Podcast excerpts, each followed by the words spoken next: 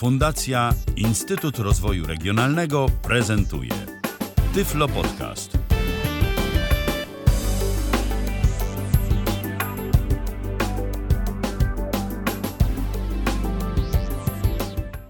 Dobry wieczór. E, witam serdecznie w kolejnym Tyflo Podcaście. Z tej strony Alicja Witek. Jak zwykle jest mi niezmiernie miło, że zechcieli Państwo poświęcić czas na wysłuchanie naszego podcastu. E, państwa i moimi gośćmi będą dzisiaj Michał Dziwisz. Witaj Michale. Dzień dobry. I Wojciech Dulski. Witaj Wojtku. Witam, dzień dobry. E, będziemy rozmawiać o tym, co mm, bardzo miłe, interesujące i e, co w pewnych sytuacjach może być, e, wydaje mi się, hmm, małym wyzwaniem, czyli posiadanie kotów. Mm, wiadomo, że koty mają swoją nieposkromioną naturę, mimo że są domowymi pupilami. E, chętnie pewnie chadzają zwykle swoimi ścieżkami. Jak tutaj w kontekście E, osób niewidomych ta opieka nad kotem, dbałość o jego bezpieczeństwo, e, higienę wygląda. Panowie dzisiaj mi opowiecie. Państwo oczywiście też. Mm, mam nadzieję, że na początek e, opowiecie mi o tym, jakie macie koty. To znaczy, w przypadku Michała to jest jeden kot, w przypadku Wojtka trzy Wojtku. Dobrze mówię, prawda? Tak, dokładnie. Okej, okay, to zaczniemy od Michała. E, Michał, chciałabym, żebyś opowiedział e, po pierwsze o tym, jakiego masz kota w kontekście tego, czy to jest młody kot, e, jaka jest jego płeć, rasa i tak dalej, i tak dalej. Ale chciałabym, żebyś też opowiedział, jaki ten kot jest dla ciebie, jak postrzegasz jego usposobienie, e, wiesz, co jest e, takiego charakterystycznego w tym akurat kocie, e, co jest takiego fajnego, co mm, w jakiś sposób cię w nim zaskoczyło, zauroczyło. No, ogólnie mm, jakoś spróbuj go scharakteryzować, ok? E, bardzo chętnie, Alu. E, ja mam kota e, ośmiomiesięcznego w tym momencie. Jest z nami od marca, więc a urodził się w październiku. To jest ragdoll. Ragdoll to jest taka rasa, nie jest to rasa naturalna, jest to krzyżówka i teraz no musiałbym dokładnie gdzieś tam sprawdzić jakich kotów. Na pewno jest to krzyżówka persa i zdaje się, kota birmańskiego. E, tego kota charakteryzuje, no, Amerykanie muszą mieć wszystko duże, bo ten kot y, to jest rasa ze Stanów Zjednoczonych, więc jest to kot duży.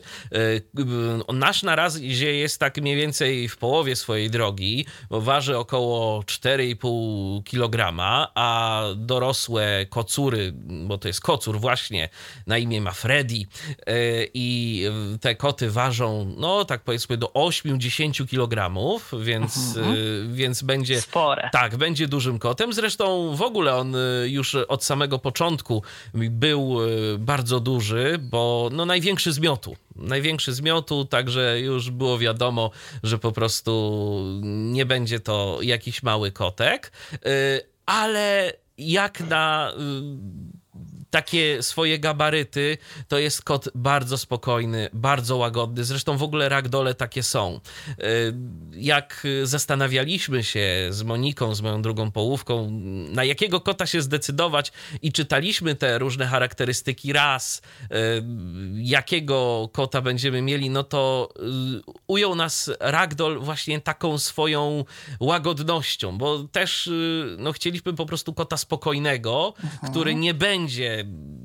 jakoś... Bujał się na karniszach. Tak, nie będzie bujał się na karniszach, który nie będzie robił jakichś nie wiadomo jakich akrobacji. Oczywiście wiadomo, że opis rasy to jest jedno, a e, charakter danego zwierzaka to jest e, bardzo indywidualna sprawa i mhm. jak się wejdzie w ten koci świat i poczyta o tym, jaka jest teoria, jaka jest rzeczywistość, to się niekiedy bardzo można zdziwić, bo mówi się na przykład o ragdolach, że to są koty bardzo takie no, przyziemne, fajne, takie niskopodłogowe. No, nasz na razie taki mniej więcej jest, bo gdzieś tam jeszcze na jakieś e, wyżyny bardzo duże się nie wspina, chociaż na jakieś, na biurko, e, na stół, na blat, e, na parapet, w tego typu miejsca skacze, ale na przykład gdzieś na jakąś szafkę wysoką, no nie, w takie miejsca nie, nie wchodzi, w takie miejsca się nie wspina. No zobaczymy, jaka będzie przyszłość, bo to jest na razie, no to jest, to jest 8 miesięcy, to jest jeszcze mały kot. Aczkolwiek ta przede wszystkim łagodność. Łagodność się potwierdziła, bo to jest kot bardzo spokojny, bardzo y, lubiący nasze towarzystwo. To nie jest może kot, y, który będzie przychodził, żeby brać go na kolana i głaskać. Y, trochę szkoda, a dlaczego to o tym za moment. Y, natomiast y, jest to kot, który jest z nami po prostu wszędzie, gdzie my tam on się pojawia i nas obserwuje, sprawdza, co robimy, też go wszystko interesuje. Jest to kot bardzo ciekawski. A dlaczego, mm, dlaczego, dlaczego szkoda, że nie lubi się dawać głaskać? No. Y to akurat szkoda dlatego, bo to jest kot o bardzo puszystym futerku. Y, czytałem w opisach że ragdole mają futerko jak królik. No jak ktoś kiedyś miał okazję głaskać królika, to wie, że to, że to jest bardzo takie mięciutkie futerko i się zastanawiałem, na ile mm, jest w tym prawdy.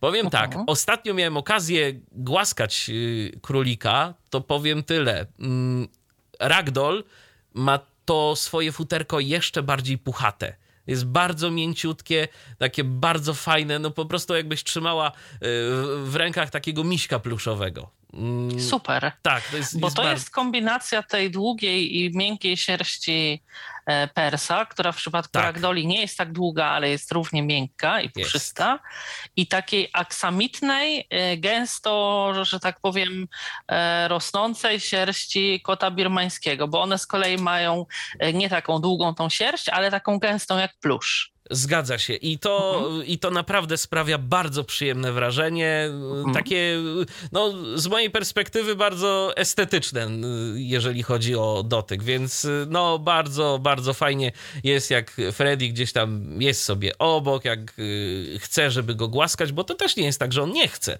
bo on, y, on lubi y, od czasu do czasu być głaskany, jak to kot na swoich zasadach. Nie jest może kotem, który będzie gdzieś tam pakował się na kolana, ale, ale też potrzebuje tej bliskości jasne, to żeby dopełnić e, całego obrazu i podziałać też troszkę na wyobraźnię naszych słuchaczy, e, to jeszcze e, trzy takie jedno dłuższe, dwa krótsze pytania. Pierwsze to, czy jest tak w przypadku już młodych kotów, czy dopiero kiedy są dorosłe, bo ja jedyny ragdoll, jakiego widziałam, był już kotem dorosłym i one mają taką charakterystyczną cechę, że też stąd się bierze ich nazwa E, że kiedy podnosimy je na rękach, to one na moment zawisają w takim kompletnym bezwładzie, prawda? Tak się rozciągają w dół i dopiero później tak jakby się sprężają e, i e, przybierają, że tak powiem, tą swoją taką kocią sprężystość i, i kształt, ale przez moment wiszą jak taka szmaciana laleczka. Jest coś w tym, chociaż nie mhm. zawsze. To wszystko zależy mhm. od tego, jaki aktualnie Freddy ma nastrój, jaki jest rozluźniony, jak bardzo gdzieś tam powiedzmy chce akurat, żeby go na te ręce wziąć. Y, różnie to bywa. Y, czasem tak faktycznie jest, że on sobie po prostu aż tak zawisa i się tak y, widać, że jest takim kotem bardzo zrelaksowanym, ale czasem nie. To, to jest naprawdę dość indywidualna sprawa. Natomiast rzeczywiście coś w tym jest. W ogóle, jeżeli chodzi o ragdole, to pani Ann Baker, która jest autorką tej rasy, bo to u niej właśnie się pojawiły pierwsze te koty, ona dokonała tych pierwszych krzyżówek, no ona w ogóle na temat tej rasy stworzyła jakieś niesamowite legendy, y, w które absolutnie nie należy wierzyć, bo tam y, mm, gdzieś ona próbowała y, takie mm, rozsiewać informacje, że te koty mają domieszkę genów ludzkich, że one zostały stworzone przez CIA, że gdzieś tam nawet jakieś UFO je przy, przywiozło na ziemię, ale nie, to absolutnie Aż tak nie ma co puszczać wodzu fantazji. Natomiast rzeczywiście z tym wiotczeniem coś jest na rzeczy. Mhm. Okej, okay. to jeszcze dwa krótkie pytania. E, pierwsze o jego umaszczenie, żebyśmy wiedzieli, jak ten twój kot wygląda i, i e, czy mruczy. Mruczy bardzo często. Bardzo często mhm. mruczy. E, natomiast jeżeli chodzi o e, kolory, no to jest. Teraz się muszę chwilę zastanowić, e, bo to jest zawsze trudne pytanie, ale na pewno jest jasno taki ciemny w kolorze takiej kawy z mlekiem. I, I w tym momencie, w zależności od tego, w ogóle jeżeli chodzi o to futerko, to w zależności od temperatury, jak dobrze pamiętam, pamiętam, ono y, ciemnieje, y, kiedy jest, y, mm, kiedy jest chłodniej, a robi się jaśniejsze, kiedy jest cieplej. Natomiast no, nasz jakoś na razie coraz więcej tych takich ciemniejszych elementów ma. Na pyszczku ma taką jasną, taki jasny Łatkę? element, tak, w kształcie litery V. O. Tak, więc to jest, więc to jest też istotne z takiego kolorystycznego punktu widzenia. Ta, y, w ogóle ten rodzaj umaszczenia nazywa się bicolor. To, to zapamiętałem mhm. i, to, i to na pewno tak rzeczywiście jest. Okej, okay. to bardzo Ci dziękuję. To teraz z Wojtkiem e, porozmawiamy I trzy jeszcze, razy dłużej. Jeszcze tak? jedno, jeszcze tak? jedno. Tak? Oczy, oczy mhm. niebieskie, hmm? bardzo intensywnie niebieskie oczy. O, to super, bardzo fajnie w takim razie. I to też e, dla kotów nietypowe, bo zwykle bywają albo zielonkawe, albo e, takie żółtawo-bursztynowe. Tak, Chyba ale te oczy są, tak, ale te oczy są właśnie bardzo charakterystyczne dla ragdoli. Mhm, jasne, okej. Okay. E, to dziękuję Ci bardzo, Michale. To teraz z Tobą porozmawiam, Wojtku, o Twoich kotach. E, o Wojtka kotach e, słyszałam już bardzo dużo, dlatego że to jest chyba jeden z, jeden z Twoich ulubionych, Wojtku, tematów, prawda? Tak, tak. Ja w ogóle. Tak, słucha się z przyjemnością tego i widać tutaj jakby z E, to z jaką uwagą Wojtek, z jaką troską podchodzi do swoich kotów. Oczywiście nie mówię, że w opozycji do Michała, tylko jakby nigdy wcześniej z tobą, Michał, nie miałam okazji na ten temat rozmawiać, ale nie przedłużając, to od którego zaczynamy? Od najmłodszej czy e, od najstarszej? No, możemy i od najmłodszej, e, chociaż ta najmłodsza też wiąże się z tym nie najstarszym, ale najdłużej u mnie jakby przebywającym. Najmłodszą kotką jest e, Daisy, to jest e, kotka rasy Cornish e, Rex. Tak samo jak Theodor. Theodor to jest też ta sama rasa. I mamy jeszcze kotkę mm, Neskę. Neska jest kotem orientalnym. Dlaczego powiedziałem na początku, że, że ta najmłodsza się wiąże jakoś z tym, z tym, który u nas jest najdłużej? E, Teodor to jest y, mm, w sumie trochę skutek, powiedzmy, mm, mojego związku z narzeczoną, ponieważ ja nigdy nie sądziłem, że będę miał kota i w ogóle nigdy kotów nie lubiłem.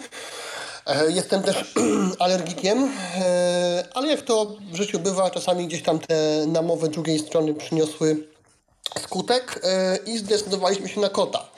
Przy czym ja miałem pewne warunki, że to nie może być kot nazbyt futrzasty, żeby ta sierść e, nie wylatywała, nie latała po mieszkaniu. Co za tym idzie, no, byłbym na, bardziej narażony na skutki, e, na alergię, tak? Jasne. E, chciałem na pewno mieć kota, który będzie bardzo przyjazny, bardzo proludzki, ale też który nie będzie takim ospałym kotem, e, z którym będzie się można pobawić, mhm. E, który będzie dawał się wziąć e, na ręce. No i tak, że tak powiem, stąd się wziął, stąd się wziął Teodor. On ma w tym momencie już dwa lata. Daisy ma mm, około 6-7 miesięcy. Mm, a Nessa to jest kot, którego mm, kupiliśmy, ale de facto zaadoptowaliśmy, tak? Hodowli. Ona już jest starszą kotką, bo ma około 6, 6 lat. Yy, Przepraszam. Tak, yy, jakbym miał zacząć, no to może o tej, o tej e, przeważającej e, rasie, czyli o, o korniszach. No to jest... Ja też jakby od razu zaznaczę, że nie jestem żadnym znawcą kotów, tutaj u mnie bardziej narzeczona, e, ale no jakby coś tam, coś tam wiem, ale też nie, nie, nie uważam się absolutnie za alfa i omega, więc gdybym coś tam... Ale Wojtku, no, y, znawcą będziesz za jakiś czas, natomiast tak. wiesz, na razie z osoby, która nie była e, powiedzmy jakoś e, bardzo zainteresowana kotami, e, no może nie, nie, nie, powiemy, że jesteś znawcą, ale na pewno e, jeśli jeszcze nie jesteś, to powoli się stajesz miłośnikiem kotów, bo mając trzy trudno powiedzieć, żeby było inaczej. E, no tak, e, na pewno, na, pewno na, na swój sposób e, gdzieś tam darzy je, darzy je dużym uczuciem.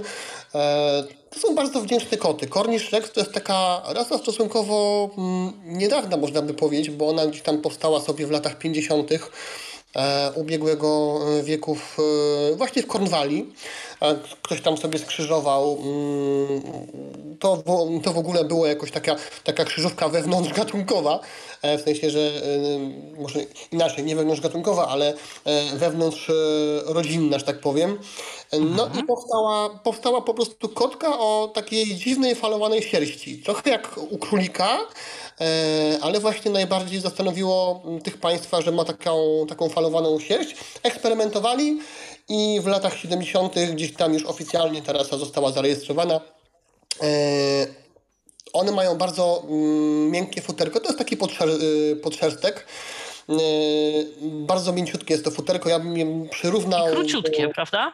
Tak, tak. Ono jest takie bardzo króciutkie. Przyrównałbym je, jak ktoś ma polar, można dotknąć polaru, e, czy jakiegoś weluru na kanapie. Do tego bym porównał. Mam tu właśnie kota koło siebie, nawet dwa, bo tu chodzą koło mnie. I tak naprawdę nie wymagają e, jakiejś e, dużej, dużej, że tak powiem, higieny, tak? No oczywiście tam wiadomo, trzeba pazury i tak dalej ogarniać, ale one nie wymagają czesania. Są jak na koty e, mało alergiczne i e, powiem tak, e, kocur, mm, bo tam była mowa o kolorach, kocur ma kolor e, umaszczenia taki bardzo jasny, taki biały i ma duże niebieskie oczy. Także to też bardzo fajnie wygląda. Na pewno te koty charakteryzuje też e, taka wysmukłość. To, to, są takie trochę kocie harty, długie łapy, e, duży taki dość umieśniony tułów, długaśny ogon i duże uszy.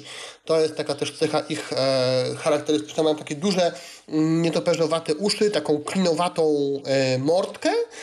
E, no i właśnie to futro. E, kotka ma futro naprawdę falowane, to się da wyczuć. E, A najmniejsza. Tak, tak, tak, tak. Mhm. E, natomiast kocur ma takie futerko właśnie jak taki polarek. Loczkuje mu się loczkuje mu się ono w okolicach pyszczka, na klatce piersiowej. Mają też wąsy takie właśnie też zakręcane. I one są tak samo jak u Michała naprawdę bardzo, bardzo proludzkie. E, śpią z nami w łóżku, e, tak naprawdę towarzyszą no, cały czas, czy to mnie, czy to narzeczonej, aczkolwiek to już nie jest taka rasa jak ragdole, to nie są koty spokojne, z tym się musiałem pogodzić i przyjąć to, że tak powiem, z dobrodziejstwem inwentarza. Mm, są to koty bardzo ruchliwe, bardzo skoczne, e, energiczne, co ma też dobre strony, bo mm, one rzadko tyją, tak? Ja tam nie muszę się mhm. martwić, oczywiście dbam o nie, żeby nie miały gdzieś tam jakiegoś e, nadmiaru kalorii, ale, ale mm, one są bardzo ruchliwe, e, bardzo się lubią bawić, no co, co ma swoje wady, bo e, no często muszę je gdzieś tam ściągać ze stołów czy, czy z innych e, takich miejsc, e, ale to, to, to no, do tego trzeba po prostu przywyknąć. E, ale kolejna ich wada jest taka, że mm, no niestety nie mogą być same. To znaczy, mm, jak mamy jednego kota czy kotkę, to bardzo źle się czują e, w samotności, bez człowieka. Czyli no nie to... są e, takie przesadnie terytorialne, wolą towarzystwo innych kotów, tak? To znaczy, y, są troszkę terytorialne, jak to, jak to ogólnie koty, ale źle się czują same. Mhm. I dlatego myśmy kupili w pewnym momencie właśnie Teodorowi Nesę o której za sekundkę jeszcze powiem. E, no i potem przyszła Daisy, e, bo była taka sytuacja, było ich, to było jakby nagminne, że kiedy, kiedy się przeprowadziłem e, do, w nowe miejsce, no to po prostu Teodor zostając sam gdzieś tam jak ja byłem w pracy, czy narzeczona też, po prostu wył, miałczał, nie drapał, nie, nie, nie, ale po prostu miał hałasował. Dość tak, zdarte gardło i to było problemem. Więc dostał kocie towarzystwo. Nesa jest kotem orientalnym. Tu mamy już dłuższe futro. Znaczy, to nie jest futro, to jest też włos. Okay. Wymaga czesania, Mm, I to tak naprawdę wszystko. Jest to jest też kot bardzo, e, bardzo przyjacielski, też kocha człowieka. Aczkolwiek jest to kot też starszy, więc no już jakby bardziej specyficzny. E, sama budowa też jest inna, bo gdybym na przykład ja nie wiedział jako osoba niewidoma, że Teodor to jest kocur, to wziąłbym go za kotkę. Jest taki zgrabny, ma długie nogi, tak, długie łapy, Nesa jest taka troszkę masywniejsza, ma inny pyszczek, taki bardziej spaszczony, no i mniejsze, mniejsze uszy, mniejsze uszy, mhm. no i ten włos taki właśnie dłuższy. I jeszcze dodam, że jej kolor, mm, ona jest taka czekoladowa, stąd też chyba nazwa e, od, od kawy, troszkę tak jak e, Nescafe. E, natomiast Daisy jest szylkretką, czyli to jest kotka o trzech kolorach. Jasne. To wiemy już e, mniej więcej o tym, jak Twoje koty wyglądają, w jakim są e, wieku. E, który jest najbardziej rozmroczanym kotem z tej trójki? Mm, no w tym momencie Daisy. To Aha. wynika z, z, wieku, tak, no to jest młode kocie jeszcze, jeszcze przed sterylizacją, co też na pewno ma znaczenie, bo hormony. E, najspokojniejsza jest Neska. To jest taki kot, który może mieć otwarte drzwi, otwarte okna. On nie wyjdzie nigdzie. Ona, tak? E, tak. E, a Teo to jest e, właśnie to, o czym mówiłaś, o tej terytorialności. On jest bardzo terytorialny. Zazwyczaj kotki są takie. Natomiast nasz kocur bardzo, bardzo e, lubi swoje mieszkanie i nawet mamy gości, czy nie ma nas i ktoś przynosi im jedzenie, to też, że tak powiem, obserwuje tych ludzi, tak, chodzi za nimi, jakby właśnie dbając o to swoje terytorium, tak. To ja mogę powiedzieć, że jeżeli tak? chodzi o Ragdola, y, to przynajmniej y, nasz Freddy, jak y, nie ma nas powiedzmy cały dzień, a zdarzało nam się wybierać na mm, kilka takich wycieczek, to absolutnie nie robił żadnych problemów.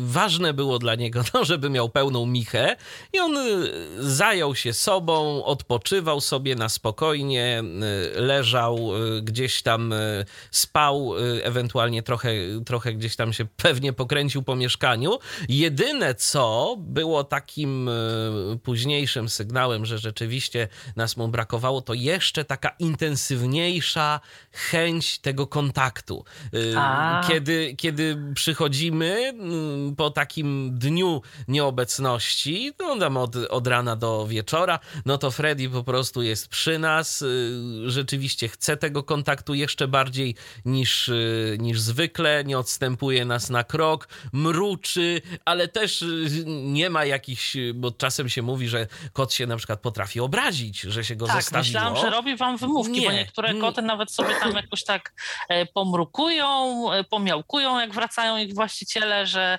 e, tak jakby robiły wymówki, tak? Pretensje miały, że nie. gdzieś tam nie, tu nie, ma, tu nie ma absolutnie tego problemu. On po prostu przyjdzie, chce tej bliskości, chce po prostu nadrobić y, stracony czas. Co do wychodzenia, to ostatnimi czasy ma nową zabawę. Kiedy gdzieś tam wracamy do domu, to wychodzi na klatkę schodową.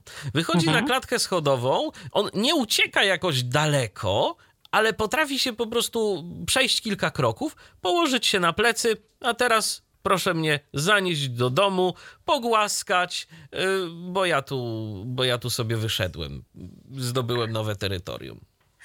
No tak, no, po prostu kocie świat ma. E, pewnie, wiesz, może to jest tak, że e, stwierdza, że ponieważ wy wyszliście i wróciliście, to on sobie też wyjdzie na chwilkę. Tak, Także... natomiast no też inna sprawa, że jakoś nie przyzwyczajamy go do, do wychodzenia, nie pokazujemy mhm. mu tego e, bardzo jakoś mocno świata zewnętrznego. Miał za sobą jedną wycieczkę, gdzie był faktycznie na powietrzu przez cały dzień, przez cały jeden dzień.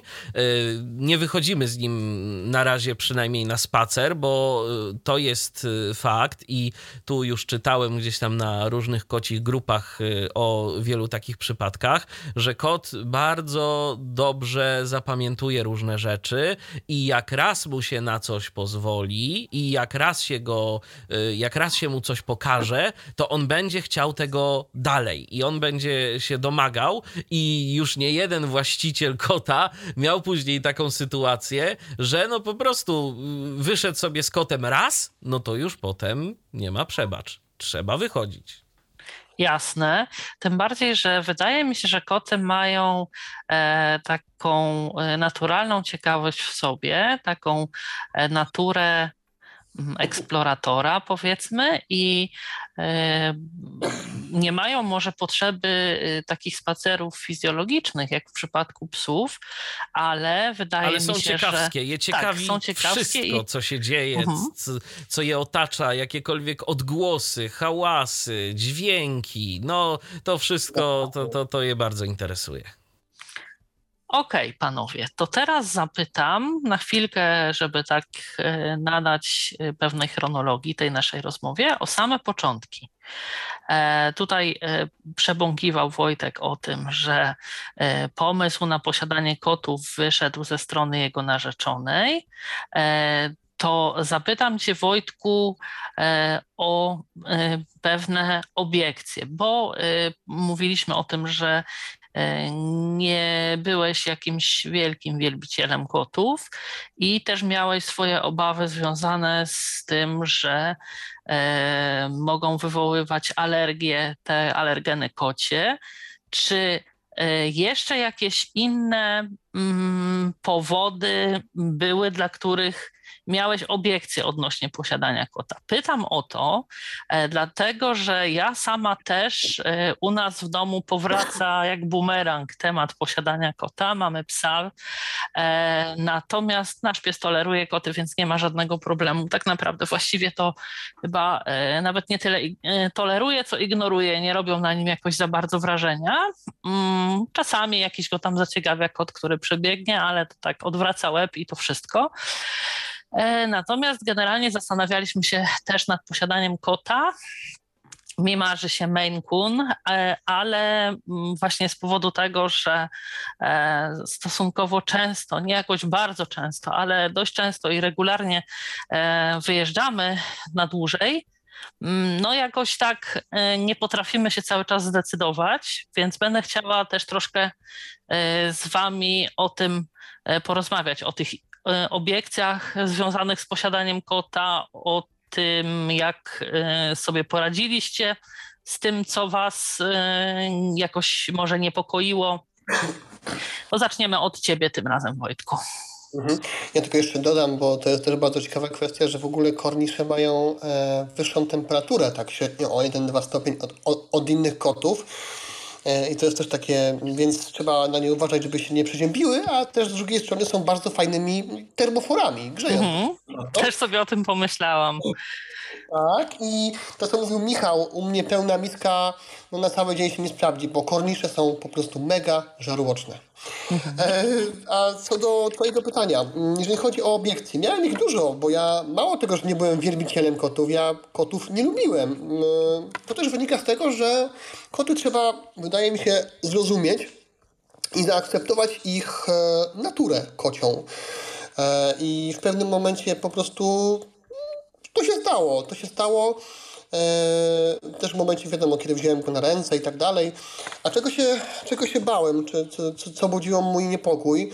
To, o czym mówiłaś, czyli to, że mam alergię, e, ale też to, że no, będą wprowadzały taki nieład. Ja jestem człowiekiem, który lubi mieć gdzieś tam w swoim mieszkaniu, na tym skrawku E, do, dość duży porządek, a wiadomo, no te koty jednak biegają, gdzieś tam skaczą i wiadomo, że one mogą wprowadzać jakiś nieład.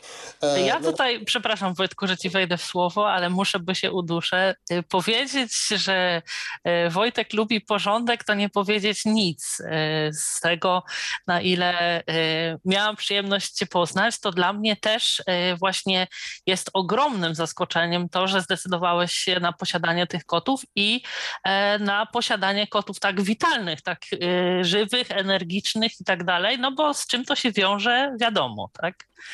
Tak, y, teoretycznie wiadomo, jakby w, w, praktyce to, co powiedział Michał, tak, no można sobie dużo poczytać, ale i tak, kiedy takiego kota się dopiero przygarnia pod swój dach, no to, mm, że tak powiem, się ta optyka zmienia. Mm, ale tak, to prawda. Mm, co jeszcze? Na pewno się na pewno się bałem samego tematu e, i to było też tak na początku, tak? Karmienia takiego kota, e, jakiegoś dbania o, o higienę, o, o kuwety i tak dalej.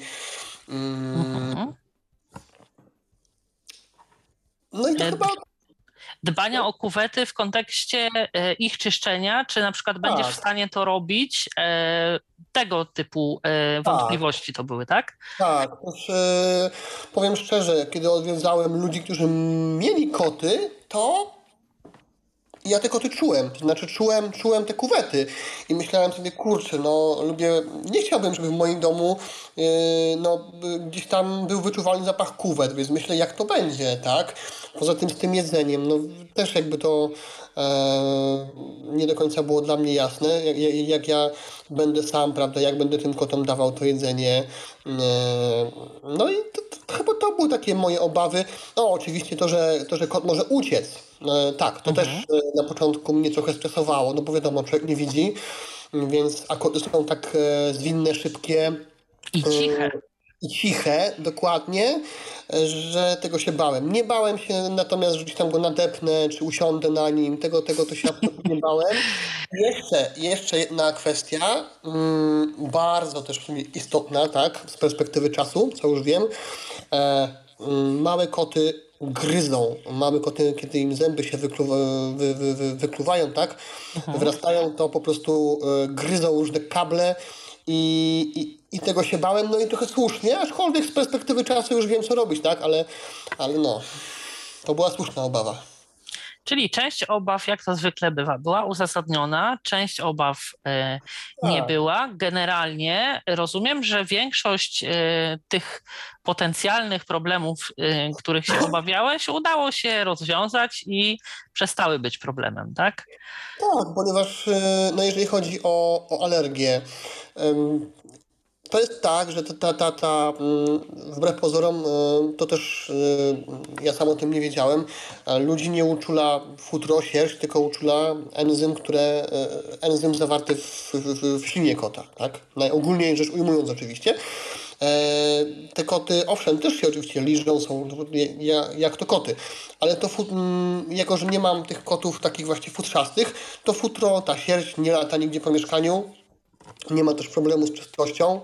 E, to są w ogóle bardzo czyste koty. Bardzo czyste koty. Oczywiście kocur ma tam takie swoje za uszami różne grzeszki, bo to kocur, ale, ale ma tam do, do pomocy dwie kotki, więc one go tam ogarniają, że tak to kolokwialnie ujmę. E, skakują na stół, no tak, no skakują, ale też to, co powiedział chyba Michał, że e, dużo zależy właśnie od konsekwencji człowieka. No trzeba być konsekwentnym, tak? Więc no po prostu kiedy są na stole, to się je z tego stołu zdejmuje. E, no i tak naprawdę e, z kuwetami nie ma większego problemu, to może o tym też będzie później, tak, ale, mhm. E, ale, ale nie. Pewne, pewne obawy, mówię, były, ale, ale sobie z nimi, tak powiem, poradziliśmy i jest okej. Okay. Jasne. To teraz przejdę e, do Twoich obiekcji, Michale. Jak wyglądało to w Twoim przypadku? Czy to Ty e, jakoś bardziej chciałeś e, mieć kota, czy Twoja druga połówka? Jak tutaj u Ciebie wyglądała kwestia pewnej wątpliwości? Bo na ogół, kiedy naszym domownikiem ma być czy pies, czy kot, jesteśmy świadomi tego, że jest to żywe stworzenie, że jest jest to y, zwierzak, który niesie ze sobą mnóstwo przyjemności płynących z jego posiadania, ale też y, wymaga y, pewnego zaangażowania w opiekę, właśnie jakiejś konsekwencji, e, dbania o jego higienę, o jego bezpieczeństwo też.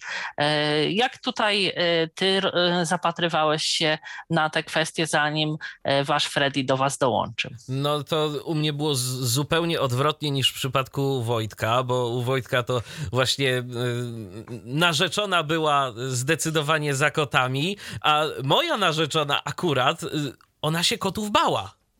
I, mhm. I tak naprawdę Monika boi się kotów do tej pory, mm, Poza naszym Innych. Fredim. Tak, mhm. poza naszym Fredim. Y, kiedy no już tak rozmawialiśmy, ja zawsze chciałem y, kota. Ja zdecydowanie, jeżeli. Y, ja lubię ogólnie wszystkie zwierzęta, natomiast jeżeli miałbym się opowiedzieć za którymś gatunkiem pies czy kot, to zdecydowanie kot. Mhm. Chyba dlatego, że są mi po prostu bliższe charakterem. Ja też jestem indywidualistą, yy, chodzę gdzieś tam swoimi ścieżkami, raczej nie za tłumem i, i zawsze, zawsze ten taki charakter bardziej koci, więc, więc te zwierzęta mi się zawsze zdecydowanie bardziej podobały. Yy, ale co ciekawe, to jest mój pierwszy kot. Jakoś, jakoś się nigdy wcześniej nie składało. Yy, no a teraz, teraz tak sobie pomyślałem, że fajnie byłoby mieć takiego kociaka. Szczególnie, że wiem, że osoby niewidome radzą sobie z nimi i mhm. w pewnych aspektach to może być nawet prostsze niż y, zajmowanie się psem. Y, więc... No, na pewno odpadają e, spacery, tak? tak? Wychodzenie, tak. konieczność wychodzenia. E, czy jest dobra pogoda, czy zła, czy jest e, ładna letnia trawka, na którą wyprowadzamy psa, czy w zimie śniegu popachy, trzeba po prostu wyjść. Tak? Zgadza się, zgadza się. A tu jest jednak to lżej Y, więc tu miałem po prostu tylko Monikę do przekonania. No, udało się. Y, wyszukaliśmy, prze, przeglądaliśmy razem y, rasy kotów, bo to miała być nasza wspólna decyzja, a nie tak tylko, że jedno w związku chce, drugie nie. Skoro udało się przekonać, no to teraz poszukajmy takiego kota, który nam się będzie podobał mi ze względu na, no czy właśnie takie kwestie dotykowe, no przynajmniej przynajmniej z opisu, tak, bo tu niestety w pobliżu mojego miejsca zamieszkania niespecjalnie jest jak sobie obejrzeć takie różne mhm. rasy kotów, żeby móc sobie coś porównać, więc trzeba było przede wszystkim o tym poczytać. E, no i e, no w przypadku Moniki ze względu na wygląd. Jeżeli mhm. chodzi o jeżeli chodzi o wygląd, no to miała Monika jeden warunek, musi mieć właśnie ten taki element jasny na pyszczku. Musi być taki przyjazny, yy, przyjazna ta kocia mordka. No to szukaliśmy, szukaliśmy. Z charakteru zdecydowaliśmy się właśnie na ragdola. Yy, no, bo wszystko nam się w tym kocie podobało. Jest jedna rzecz, która yy, jest minusem ragdola i to trzeba mieć na względzie. Mianowicie? Futro. Futra. Futro jest bardzo fajne, bardzo puchate, ale jego jest wszędzie pełno. Tak. Wszędzie pełno. No po prostu y, u nas y, odkurzacz jest w zasadzie w użyciu codziennym. Tu poleca się rumba, to w tym momencie jest y, urządzenie w przypadku ragdoli no nieodzowne tak naprawdę. Mhm. Y, no i co jakiś czas jeszcze trzeba odkurzyć y, te miejsca, gdzie rumba nie da nie rady, dociera. więc jakieś mhm. wyższe powierzchnie, no bo po prostu kociego puchu jest wszędzie. Czasem na kocich grupach mówią, że kawa z kłaczkiem i to jest prawda. Pijesz, pijesz kawę, i nagle czujesz, że po prostu pijesz kawę z jakimś włosem. Z wkładką. Tak, z wkładką. Jest, jesz coś tam, no się nagle okazuje, że gdzieś tam jest y, trochę kociego puchu. Y, powiem więcej, budzisz się, otwierasz usta i czujesz, że masz jakieś, jakiś puch koci po prostu w buzi. To jest po prostu jedna, jedyna y, taka y, rzecz, y, która, na którą muszą i z którą muszą się rzeczywiście liczyć ci, którzy zdecydują się na ragdola. Ja sobie doskonale zdaję sprawę z tego, jak musi to wyglądać, dlatego że przed naszym obecnym psem mieliśmy owczarka coli, który oprócz tej takiej właściwej, tej szaty okrywowej, tych takich długich włosków, e, jest, cały składa się pod spodem z takiego mięciutkiego białego puszku. I tego, jest, I tego też pewnie tak, mieliście I to pełno. E, wszystkie do dzisiejszego dnia, mimo że już tego psa nie ma, mamy e, wszystkie rzeczy jakieś tam spożywcze w pojemnikach, cokolwiek gdzieś zostawiamy, nie wiem, w garnuszku czy coś do odgrzania na później.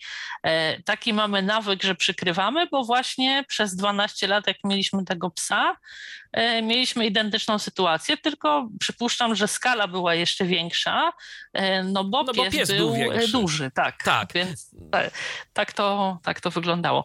Rzeczywiście, się. decydując się na takiego kota, trzeba się przygotować na konieczność systematycznego sprzątania, bo przypuszczam, że jeśli to zaniedbamy, to po prostu całe mieszkanie, odzież czy jakieś inne rzeczy będziemy mieć w tych kocich kłaczkach. Tak, no oczywiście rolki do o pozbywania mhm. się włosów to jest też coś, co. Codzienność. Co, tak, tak, co mieć trzeba, więc no tu po prostu trzeba się z tym liczyć, że tego włosa jest y, pełno. Może nie aż tak, że on lata w powietrzu, mhm. chociaż niewiele, niewiele mu tak naprawdę brakuje. Natomiast y, ja zawsze mówię, kot w dom, puch w dom, no to trudno. Y, Mhm. Jakoś, jakoś, to, jakoś to przeżyjemy. Dobrze, że jest rumba. Ale z takich obaw, które ja miałem, i mhm. bo to też oczywiście nie jest tak, że, że obaw e, nie było, no to ja właśnie się obawiałem tego, że skoro ten kot jest e, takim zwierzęciem cichym, że jeszcze ragdole w dodatku nie są kotami wybitnie gadatliwymi. To nie jest tak, że one się w ogóle nie odzywają, one dużo mruczą, po prostu prostu y, Freddy to potrafi mruczeć, jak y, zobaczy, że się do niego podchodzi. To on już po prostu w tym momencie zaczyna gdzieś tam Taki mruczeć. Tak, lokalizator tak, tak, tak, tak, tak. Zwłaszcza jak jest gdzieś na drapaku. Ja podchodzę do, do drapaka, no już nawet nie muszę sprawdzać, czy kot jest na drapaku, bo, bo od razu mruczy i się rozkłada, żeby go gdzieś tam głaskać. Natomiast y, no ja się obawiałem właśnie, żebym przez pomyłkę niechcący go gdzieś nie dadepnął, nie zrobił mu takiej krzywdy przez pierwsze miesiące, tu powiem szczerze, jest to odradzane, tak, ale nie miałem lepszego pomysłu na to, a mhm. jednak chciałem, żebyśmy się z Fredim jakoś mimo wszystko siebie uczyli. Przez pierwsze miesiące y, miał założoną obruszczkę, y, obruszkę z dzwoneczkiem. Miał założoną, to jest niepolecane dlatego, że kot ma bardzo wrażliwy słuch i mhm. rzeczywiście ten słuch można mu no, przez takie ciągłe dzwonienie uszkodzić. Natomiast my z tej obruszki zrezygnowaliśmy po jakimś czasie. Przede wszystkim dlatego, że widzieliśmy, że jemu samemu zaczyna to przeszkadzać. Że ta obruszka go drażni. On sobie ją ściągał po prostu. Jasne. Więc stwierdziliśmy, że nie będziemy zwierzaka męczyć. A po drugie, to y, on kiedy nie chciał być słyszalny, to i tak zachowywał się w ten sposób, że nawet tej obruszki za bardzo tego dzwoneczka nie było słychać. Także no to jest. Y, nie zdawało egzaminu, tak, a stresowało tak, kota. Tak, a stresowało kota, bo kiedy on się. I zresztą powiem szczerze, nas też. Bo mhm. kot jest takim zwierzęciem, że on w nocy żyje. No i y, w momencie, kiedy ja raczej też y, siedzę gdzieś tam często po nocach, ale człowiek próbuje usnąć, a tu nagle kot zaczyna się obok ciebie gdzieś czyścić. I wtedy to już mu nie zależało na tym, żeby być cicho, więc zaczynał nam w nocy po prostu dzwonić. Także, także no początki z tą obruszką owszem były, teraz już tej obruszki nie ma. E, nie zdarza mi się jakoś e, często na niego wchodzić. On też się kiedy chce, to potrafi usunąć. Kiedy, o, to, to. kiedy nie, ale to też nie jest reguła, bo on czasem to jeszcze ma coś takiego, że Ja się nie usunę. Proszę mnie obejść. Ja jestem kotem. To jest moje mieszkanie, a ja wam pozwalam u siebie mieszkać. Mam wrażenie, że to czasem tak trochę No jest. tak, psy I... mają właścicieli, koty mają personel, Tak, prawda? tak, tak. Więc To się... Coś w tym jest. U nas bardzo szybko w przypadku psa, tego, którego teraz mamy przewodnika, skończyła się historia z dzwonkiem. Y, Ja też nie byłam zwolenniczką tego, żeby on ten dzwonek nosił, Y, no ale generalnie był y, u nas bardzo króciutko. To był pierwszy dzień, kiedy do nas trafił. Nie znaliśmy jeszcze jego nawyków, nie wiedzieliśmy, czy będzie zmykał, kiedy ktoś z nas będzie szedł w jego stronę i tak dalej, i tak dalej. Ja z powodów takich właśnie też humanitarnych nie byłam zwolenniczką tego dzwonka, bo wiadomo, że psy też mają bardzo wrażliwy słuch. E, Nie wiem, czy można go dzwonkiem u dorosłego psa uszkodzić, natomiast na, niewątpliwie e, też bardzo drażni psa ten dzwonek, jak ma przyczepiony i przy każdym ruchu, e, ponieważ obroże ma tuż za uchem, mu dzwoni, tak? Ale brakowało mi argumentów, żeby zdjąć psu ten dzwonek. Sam dostarczył. Dopóki my chodziliśmy i chodził pies, no to tam ten dzwonek był, był, było go słychać, no było to takie sygnalizująco irytujące, ale do przejścia. E, położyliśmy się spać, pies się położył na posłaniu obok łóżka i nie wiem, e, czy coś go wystraszyło, czy po prostu e, coś mu się śniło. W pewnym momencie zerwał się i się po prostu otrzepał, tak jak psy. I tym dzwonkiem zrobił taki hałas, nie wiem, czy to przez sen się nam tak wydawało, ale w momencie byliśmy na równych nogach oboje i już wiedzieliśmy, że to jest ostatni moment, kiedy nasz pies chodzi z dzwonkiem po domu. Więc e, jeszcze jeden to miało e, taki jakby skutek.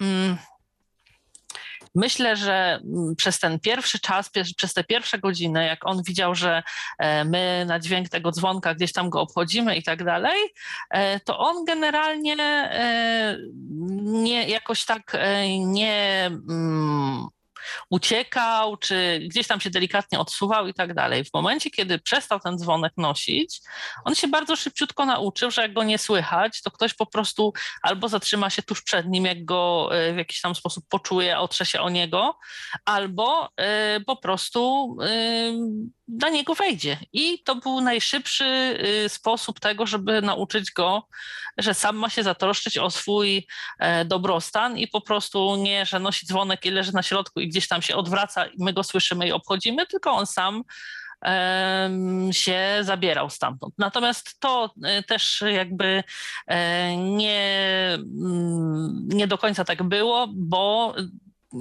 na dłuższą metę e, nauczył się tego, że my wiemy, w których miejscach on sobie leży i w tych miejscach takich stałych, e, mimo że nie nosi dzwonka i wie, e, że my będziemy i tak go tam omijać, bo po prostu wiemy, że może tam być, więc dobrze nas szybko wyćwiczył. A tymczasem koniec- słuchaczkę mamy na, na linii. Słuchaczkę o kocim pseudonimie Tygrysica.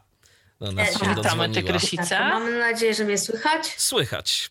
Tak? E, Super, no więc ja oprócz tego, że mamy tygrysi nick, e, to uwielbiam koty. E, Właściwie pierwszego kota dostałam, dostałam, no można tak powiedzieć, że dostałam od ojca na Mikołajki w 98 roku. Matka była wściekła jak nie wiem co. Wtedy to ja jeszcze nic nie wiedziałam o kotach, więc kot był z punktu widzenia dzisiejszego bardzo źle poprowadzony.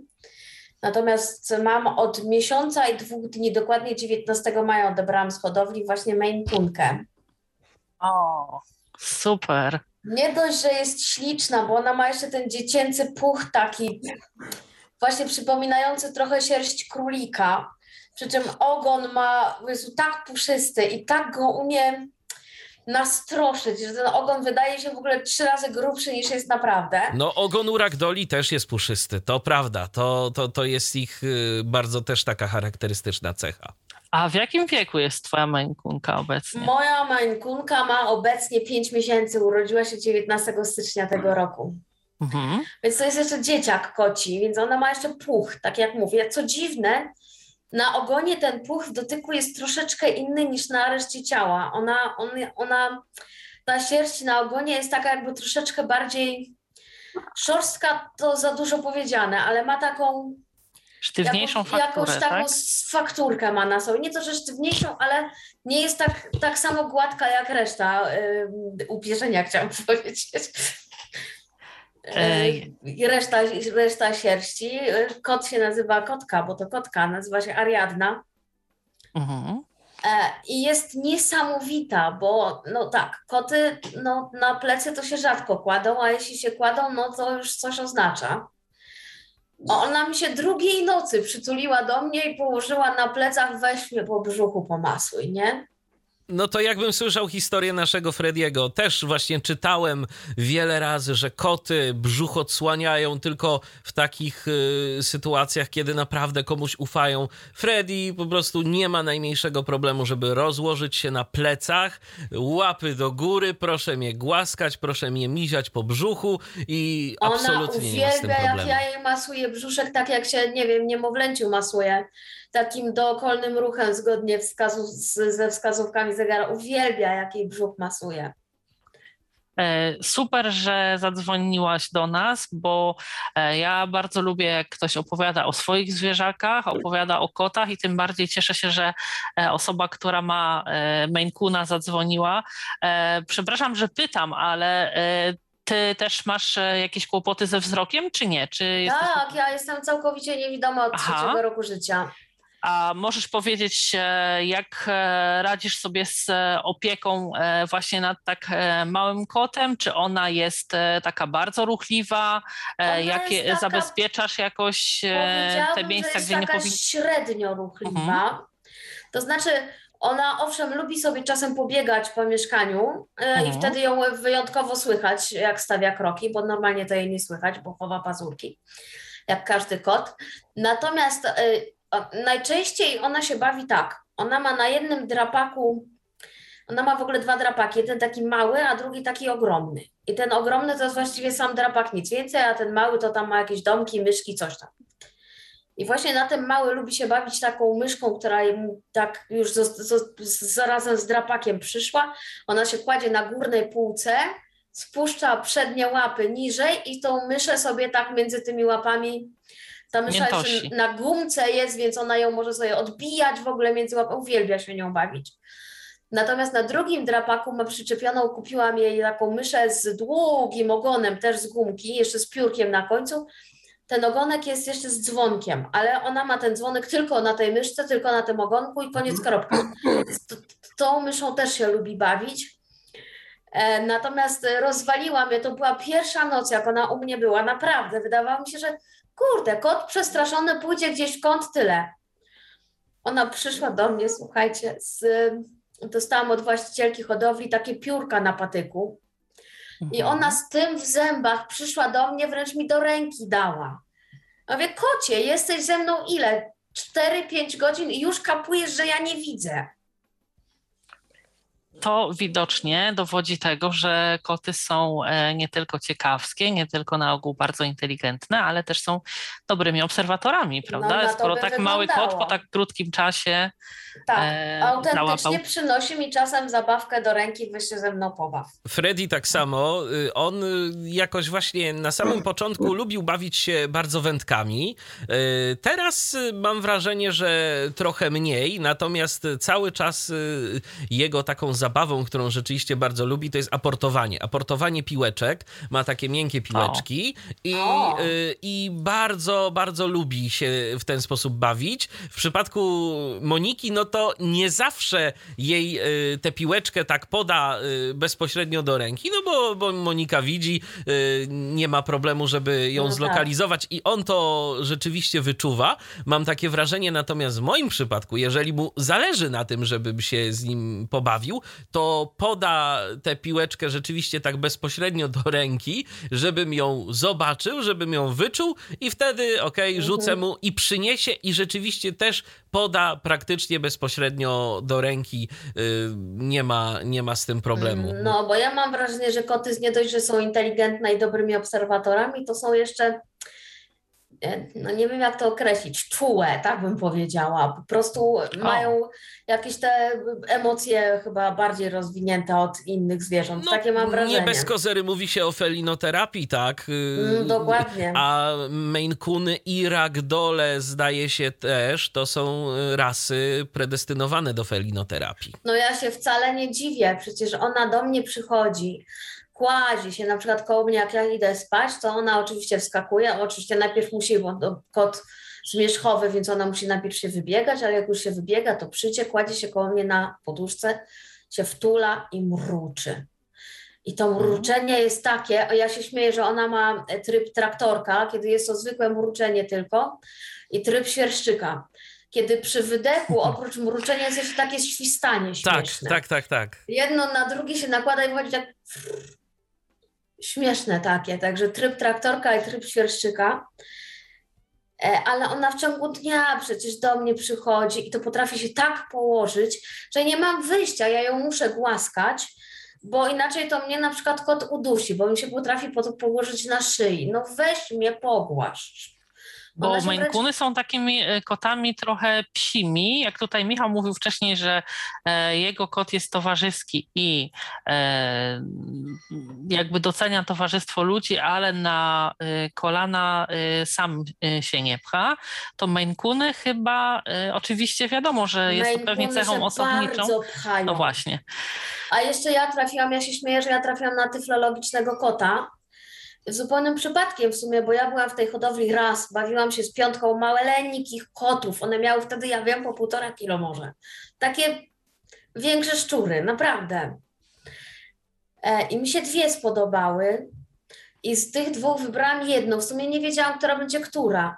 I się okazało, że wybrałam tę z pięciu, która najbardziej lubi być dotykana, głaskana, że ją w ogóle można miziać po ogonie, po w ogóle. To, to jest niesamowite szczęście, że, że, akurat na takiego kota trafiłam. To ja mam nadzieję, że jak sama ja zdecyduję się też e, kiedyś na tego Maine wreszcie, to też na takiego trafię. Życzę Możesz powiedzieć, serca. jakiego, e, dziękuję bardzo, umaszczenia jest twoja kotka? Moja kicia jest ruda, z jaśniejszymi y, pręgami. To znaczy nie, że Mhm. białymi, tylko po prostu taki y, jaśniejszy rudy. Jaśniejszy rudy ma też na brzuszku i na połowie pyska, to znaczy na, na dolnej części pyska jest. Jasne. I nawet wąsy ma te bardziej górne ma ciemne, a dolne ma jasne. Super. No i oczywiście pędzelki na uszach. No. a z jakiej hodowli, jeśli mogę zapytać, e, masz kotkę? Hodowla jest na Białołęce w Warszawie, nazywa się Dom Futrzaków. Sama nazwa mi powiedziała, że stamtąd będzie fajny kot. No tak. No E, Generalnie dom, który jest e, przede wszystkim pewnie domem futrzaków i No, tutaj dokładnie. personel e, No, wspiera, tak. Tak, tak, dokładnie. Zresztą trafiłam na bardzo fajną właścicielkę, która w zasadzie. Znaczy, na początku miała, no czy pani się będzie umiała tym kotem, kotem zajmować? Ja mówię, no tak, no ale czy mogę przyjechać? No, no tak, no to przyjechałam, pobawiłam się z tymi kotami. E, Zobaczyłam mamusię, która ważyła 7 kilo i tatusia, który ważył 8,5. E, Bo Maine też są jednymi z, z tych większych ras. Mhm. E, Mówię, no jeśli moja będzie taka jak mamusia, to będzie fajnie. Tak, bo Maine Coony to jest też amerykańska rasa, tylko że Tak. Maine Coony to jest, zdaje się, rasa naturalna, naturalnie gdzieś tam wytworzona w stanie Maine. Mhm. No, to jak sama nazwa wskazuje. E, Natomiast Maine Coony mają, e, jednym się to podoba, drugim mnie, mniej. Mi się to bardzo podoba. Jak gdzieś się pochylam, to zaraz mam ją na plecach i ona łazi po plecach, bo ona sobie weszła na przykład z jakiegoś segmentu na moje plecy, bo akurat byłam pochylona, no to ona skorzystała i sobie wlazła. Ja tak łazi. Ale to jestem zaskoczona tym, że jest taka skoczna, bo na ogół, e, jeśli rozmawiałam z tymi osobami, które posiadały e, Maine Coony, to mówiły o tym, że e, no to są takie koty niskopienne, że gdzieś tam e, jakieś parapety czy niskie stoliki to są szczyty ich możliwości, No więc to w takim razie ona osiągnęła szczyty. tak, rozumiem. Na parapecie mam położoną, tutaj koło mnie niedaleko jest parapet, mam położoną w rogu taką poduszeczkę, ona bardzo lubi tam leżeć. Super. Bardzo No. lubi tam leżeć, ja się śmieję, że obserwuje wszystko, bo naprawdę ma taką pozycję, jakby się wpatrywała w okno. Kto wie, może się wpatruje. Kocią No, telewizję ma tak zwaną. Patruje No, się na tak, pewno, tak, bo tak. chyba twoje, Wojtku, koty e, lubią, prawda? E, przez okno wyglądać na zewnątrz. Moje lubią, moje mają, że tak powiem, dwa kanały, mają od strony podwórka troszkę mniej wrażeń, od strony ulicy mają zdecydowanie więcej. Mhm. A no właśnie, ona lubi tutaj sobie tak patrzeć przez to okno. Oczy ma żółte, takie bursztynowe, klasyczne kocie. Żwirek oczywiście kupiłam ten taki rozpuszczalny w wodzie, więc w ogóle nasypuję go na, na tyle mało, żeby po prostu po dwóch dniach wszystko do muszli klozetowej wy, wylądowało, współkuje i nie ma problemu. Jeszcze mam taki zapach lawendowy w proszku, więc ona była Dosypujesz uczona... go, tak? Do tak, tego tak, żwirku. bo ona była uczona siusiać do żwirku lawendowego po prostu. Mhm. Ja, żeby sobie ułatwić, kupiłam ten rozpuszczalny, no więc musiałam dokupić też y, proszek lawendowy, żeby, żeby, żeby wsypywać jej, żeby ona miała ten sam zapach, no bo tak to by mogła mi gdzieś tam posikiwać, a tak to wszystko załatwia do kuwetki pięknie. No mamy jeszcze jedno przed sobą, jeszcze jednego będę się musiała nauczyć, y, ja i ona, y, czesania. Aha. I to muszę ją przyzwyczaić, bo Maine mają na tyle długą tę wierzchnią sierść, że jak się ich nie czeszę, widziałam w hodowli kota, przywieziony został z, z Afganistanu chyba, straszną drogą w ogóle, gdzieś pociągami, autokarami, straszną drogą, miał cały bok skołtuniony i właścicielka ze swoją siostrą tak powolutku podchodziły, powolutku to rozczesywały. Z tego co wiem, to jeszcze nie jest do końca rozczesane, bo to naprawdę nie jest proste. No tak.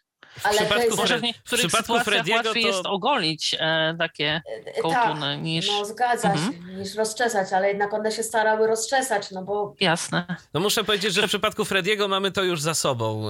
Y, On, on od samego początku my go przyzwyczajaliśmy do czesania y, i nie było z tym większych problemów. I co ciekawe w ogóle, ja się bardzo zdziwiłem, że akurat to mu się y, spodobało, bo mieliśmy kilka szczotek, y, którymi go próbowaliśmy mm, gdzieś tam czesać, y, bo no też akurat ragdole mają te futerko swoje takie bardzo delikatne, tam na przykład nie zaleca się używania furminatora do, Mhm. do tego futerka, a akurat jeszcze moi rodzice, co ciekawe po psie, też przywieźli nam parę rzeczy, no powiedzieli, a macie, no ewentualnie albo wam się przydadzą, albo nie. Albo wyrzucicie, Tak, tak? albo wyrzucicie. I tam było takie jedno, y, taka jedna szczotka, taka ostra, druciana szczotka, y, Mhm. którą y, po prostu ja stwierdziłem, że ja tym to.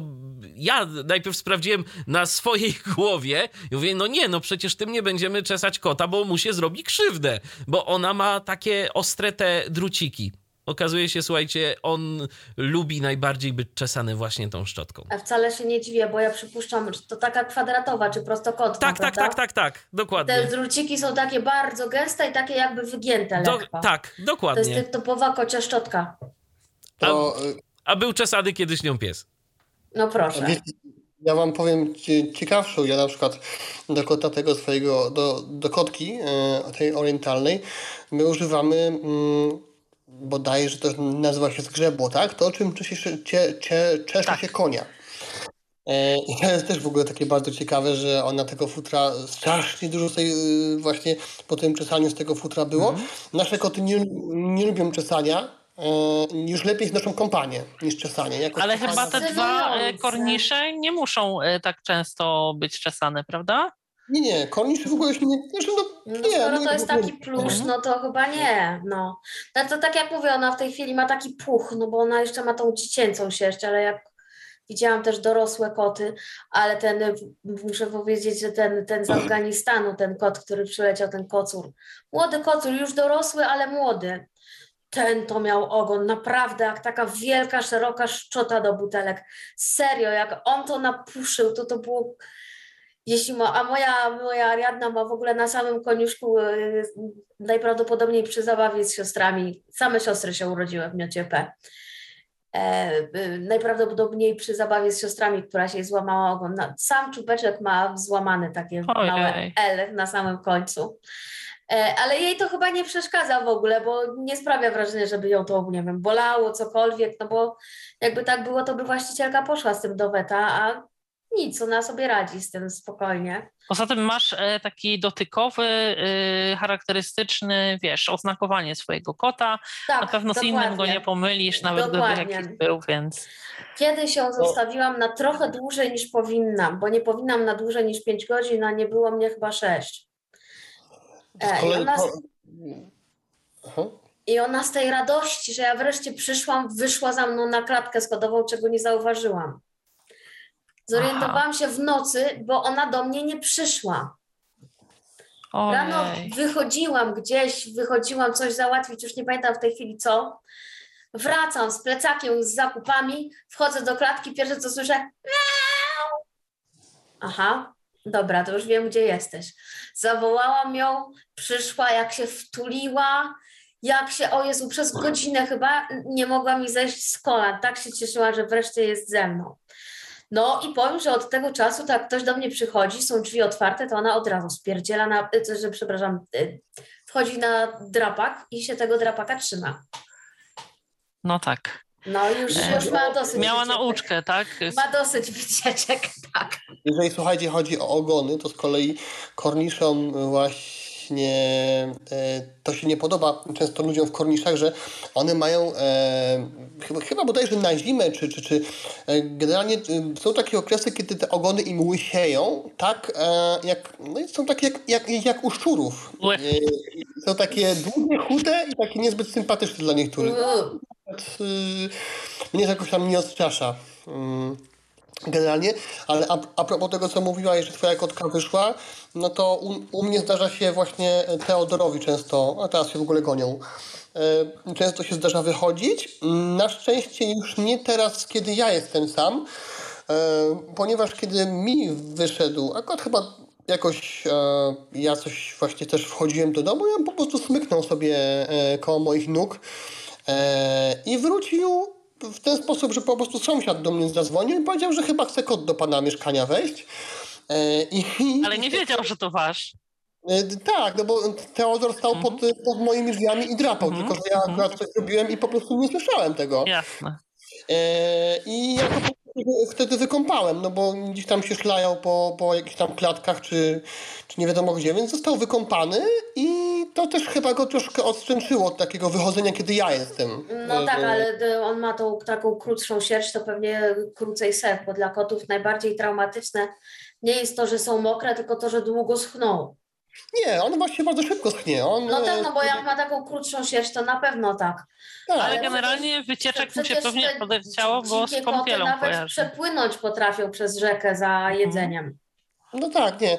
On, on jest ale y, to są tak, to są mega ciekawskie koty kornisze, więc on zdarza mu się wychodzić, ale jak ja jestem w domu sam, to na szczęście, na szczęście nie ale on zawsze też właśnie wraca i gdzieś tam drapie po drzwiach, czy, czy daje, daje znak. Tak? Zresztą słuchajcie, jest jeden, y, mam wrażenie, niezawodny sposób na sprawdzenie, czy mamy kota w domu.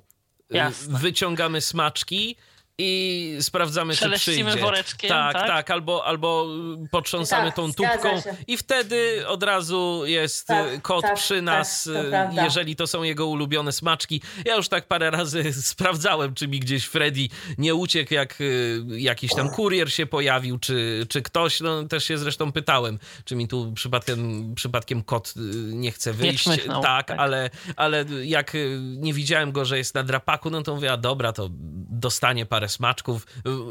Otwieram szufladę, nie zdążyłem nawet tej tubki otworzyć, w której mamy smaczki i po prostu już widzę kot przy mnie, już chcę, no to dobra, masz. No Okej, okay, to tak gładko przeszliśmy do no e, kwestii, tak? Ja chciałam zapytać, jakiej karmy koledzy używają, e, bo właśnie jestem ciekawa, bo ja na razie próbuję używać tego, co właścicielka hodowli zaleciła, ale powiem szczerze, to jest chyba nie na moją kieszeń. Aha, no, nieste no, niestety y, z, z, karmami to jest tak, że albo y, oddamy pieniądze w sklepie zoologicznym, albo potem możemy u weterynarza. U weterynarza. Tak. Mhm. Ja, y, my akurat y, przede wszystkim na razie y, granata pet, y, to jest, tak, to jest karma bytowa i rzeczywiście na razie się sprawdza. Co to znaczy, Michał, karma bytowa? Bo być może ktoś z naszych słuchaczy że wiesz, to jest nie taka, będzie że zaawansowanym. tak, tak, tak. Właśnie, właśnie chciałem powiedzieć. To jest taka karma, y, która zapewnia kotu y, wszelkie niezbędne składniki, bo są, y, są takie karmy, które niekoniecznie, y, które trzeba gdzieś tam jeszcze dodatkowo y, pewnymi rzeczami tak, Suplementować, tak? Tak, tak. A ta karma akurat właśnie granata PET to jest y, taka karma, Taka która... kompletna, tak, tak? taka, taka kompletna, że kot właściwie mógłby niczego innego nie jeść i tylko mógłby być na tym. Więc my akurat korzystamy z granaty. Teraz ostatnio też y, chcąc mu y, trochę urozmaicić, to y, kupiliśmy parę puszek World Freedom. To jest karma Zoo Plus, tworzona przez ten sklep. Natomiast y, ja już tam wyczytałem gdzieś a propos składów, że tę karmę, jeżeli chcielibyśmy tylko na przykład kota żywić tą karmą, no to trzeba suplementować olejem z łososia. Bo już tu ma, brakuje mu już teraz, no wybaczcie, nie pamiętam jakich dokładnie składników, y, ale, ale po prostu ktoś... Tak. Może kwasów omega Tak, tak, całkiem- 3 tak, albo... całkiem- Albo całkiem witaminy możliwe. D3, no bo, no bo to, to tłuszcz rybi to Tak. tak, raczej omega-3 i D3. Nie? Więc, więc na chwilę obecną to y, Aha. kompletnie nie karmimy Frediego suchą karmą. Y, Aha. Co prawda na początku tak mieszaliśmy y, jedną i drugą, natomiast sucha karma dla kota no generalnie nie jest dobrym pomysłem. Y, Chcieliśmy... No widzisz, on na przykład weterynarz, u którego byłam, powiedział, że ona może tylko suchą jeść, by lepiła. No Tak, tak, to jest problem, że często nie chcą pić, nie? Tak, tylko no z, no z tego, co z tego, co właśnie u nas to wygląda, to Freddy raczej nie jest takim kotem, który piłby dużo. Zresztą, no to są, to są dyskusje tak naprawdę, podejrzewam, że jakby tu zaprosić kilka osób, które zajmują Każdy się kocim, tak, kocim tak. żywieniem. Ja też y, czytałem właśnie y, o tym, y, że, że kota można karmić suchą karmą tylko. Natomiast powiem tak, y, kiedyś zrobiliśmy taki eksperyment, y, to znaczy eksperyment, no chcieliśmy mu po prostu zapewnić odpowiednią ilość jedzenia żeby kotek y, podczas naszej nieobecności no, miał odpowiednio dużo jedzenia, to zostawiliśmy mu i mokrą karmę, i jeszcze suchą karmę, której no tak raczej staraliśmy się nie dawać na co dzień. Może mi się uda pokazać. no i. O. No, coś było słychać. Y, To Natomiast. był tryb świerszcza. Tak, to był chyba tryb świerszcza. Tak, tak, właśnie do mnie Mhm. przyszła i się po prostu wtuliła i mruczy. Natomiast z tą suchą karmą powiem tak, y, później y, w nocy okazało się, że no, nie skończyło się to najlepiej, jeżeli chodzi o zawartość kuwety. Także od tamtego Aha, czasu, mhm. od tamtego No to- czasu nie dajemy mu w ogóle suchej karmy. Jeżeli chodzi o, bo też są takie opinie, że na przykład sucha karma jest dobra na y, pozbywanie się kamienia mm, nazębnego. Natomiast Mhm. na to... No pewnie tak, no ale... Tak, na to mamy. Zostaw mi kabel od słuchawek. Na to mamy inny sposób. Ostatnio wypróbowaliśmy i y, przynajmniej na razie chyba się rzeczywiście sprawdzi. Suszone królicze uszy. Y, uprzedzam, śmierdzi Zapach. to strasznie. Tak, tak, tak, tak, oczywiście. E, Ja jeszcze tutaj w kwestii tej e, karmy suchej e, nie wiem, na ile to mogłoby mieć zastosowanie, to znaczy miało zastosowanie w przypadku Twojego kota, Michał, ale może to była zbyt taka nagła zmiana, że on sobie zjadł jakąś tam porcję tej Całkiem karmy możliwe, suchej, bo jak się zmienia na przykład psom e, suchej na mokrą, czy odwrotnie, to zaczyna się od takich ilości śladowych, tam Tak. dwa, trzy groszki suchej i wtedy jest czas na adaptację, tak? Tak, że... natomiast. Moja zasadniczo je i suchą, i mokrą. E, natomiast zaleceniem właścicielki była e, Royal e, Mother and, e, and Baby's Cat. E, natomiast to jest potwornie droga karma, e, bo sucha 2 kilo kosztuje stówę. No to jest E. rzeczy, to rzeczywiście, a ja, No a słyszałam zarówno od weterynarza, jak i od pana ze sklepu, mhm. że są lepsze karmy, na przykład Britker, który jest karm, która jest karmą totalnie bezzbożową.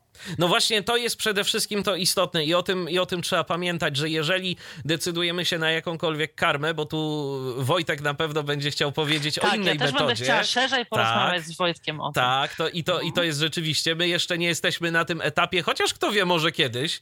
Mhm. E, tak, właśnie Monika mi tu za plecami stwierdziła, nie, no, zobacz, mhm. zobaczymy, e, po, pożyjemy, zobaczymy, ale na, na razie rzeczywiście, jeżeli ktoś ma zamiar y, karmić kota karmą, no właśnie, jakąkolwiek, to żeby ona była bez zbóż, bez różnego rodzaju wypełniaczy. Można w internecie poczytać sobie różne opinie o karmach, więc no jest to wszystko do, mm, do no, sprawdzenia. No podobno też jest taką karmą dobrą.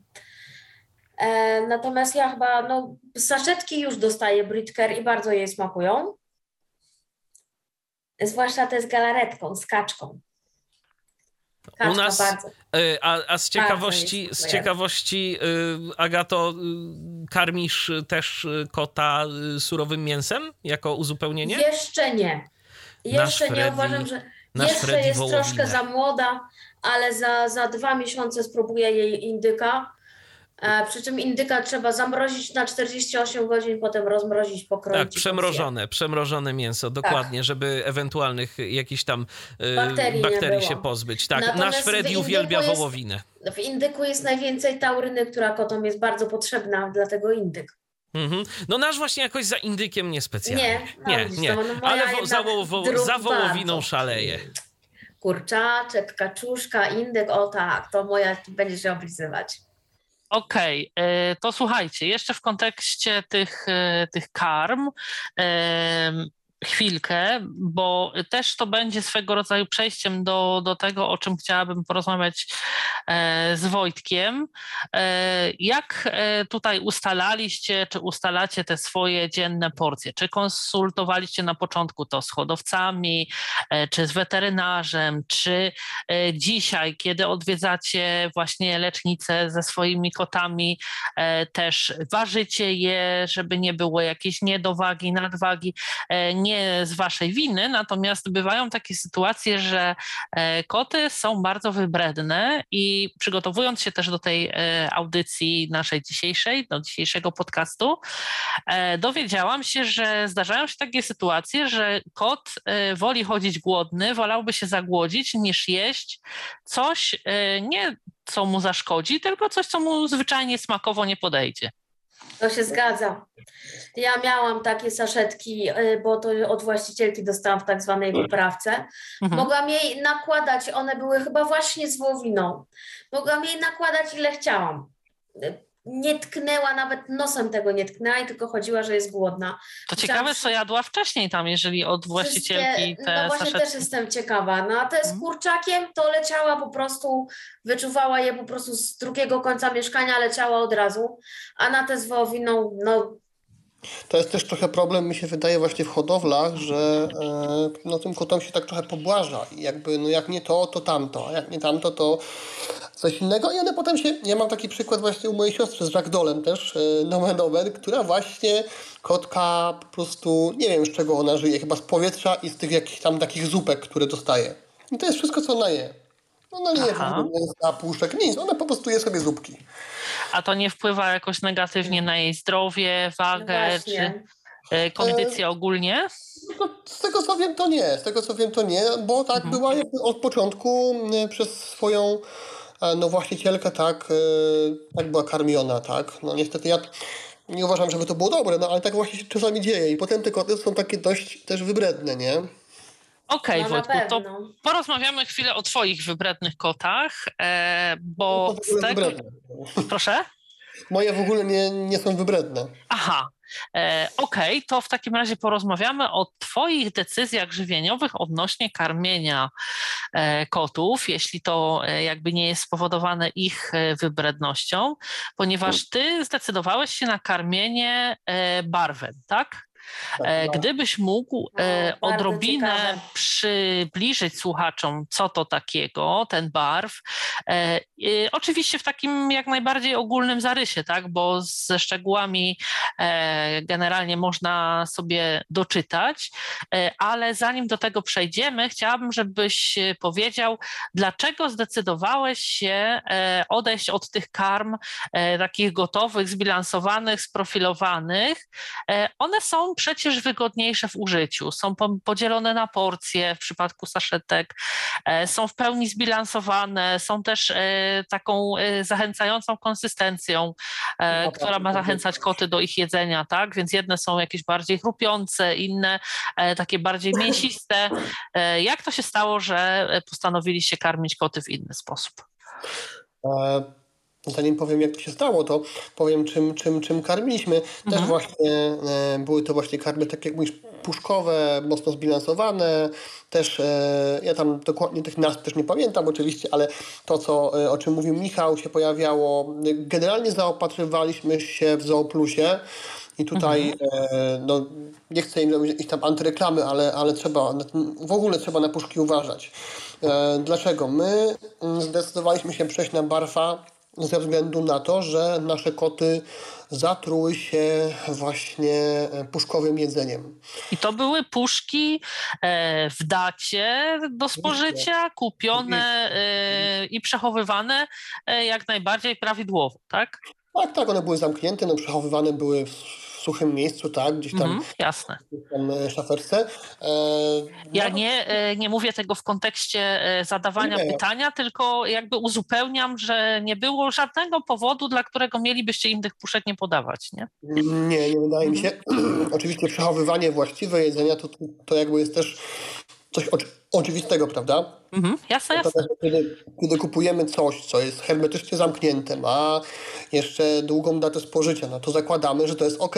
Oczywiście. Tego, kiedy wyjmujemy to z tej puszki, wiadomo, y, ja już teraz nie pamiętam co to było, ale miało taką normalną konsystencję, miało normalny zapach, więc no jakby założyłem, że wszystko jest ok. Jasne. Okazało się niestety, że nie było ok. E, najpierw zaczął wymiotować Teodor, ale to u niego nie jest nic takiego nadzwyczajnego, bo tak jak powiedziałem, on e, jest straszliwym łakomczuchem, je dużo i szybko. No więc czasami mu się zdarza, że mu tam się gdzieś tam uleje e, po obiadku. Natomiast potem jeszcze inne koty też zaczęły wymiotować. No ale gdzieś tam wiadomo, no zdarza się. Natomiast e, ja wtedy pojechałem do pracy, więc jakby tym się już nie, nie, nie zajmowałem. Narzeczona pojechała na chwilę na, na zakupy. Kiedy przyjechała, okazało się, że yy, bo to jeszcze były dwa koty, był Teo i, i Nessa, leżą tak jakby no w, gdzieś tam mocno już w takim stanie nieciekawym, z pianą na pysku. No i pojechaliśmy szybko do weta, znaczy ona pojechała do weta. Okazało się, że się zatruły jakąś tam bakterią. Dokładnie tego nie, nie badaliśmy, bo też e, wiadomo, to tam się wiązało z jakimiś tam du, e, dużymi kosztami.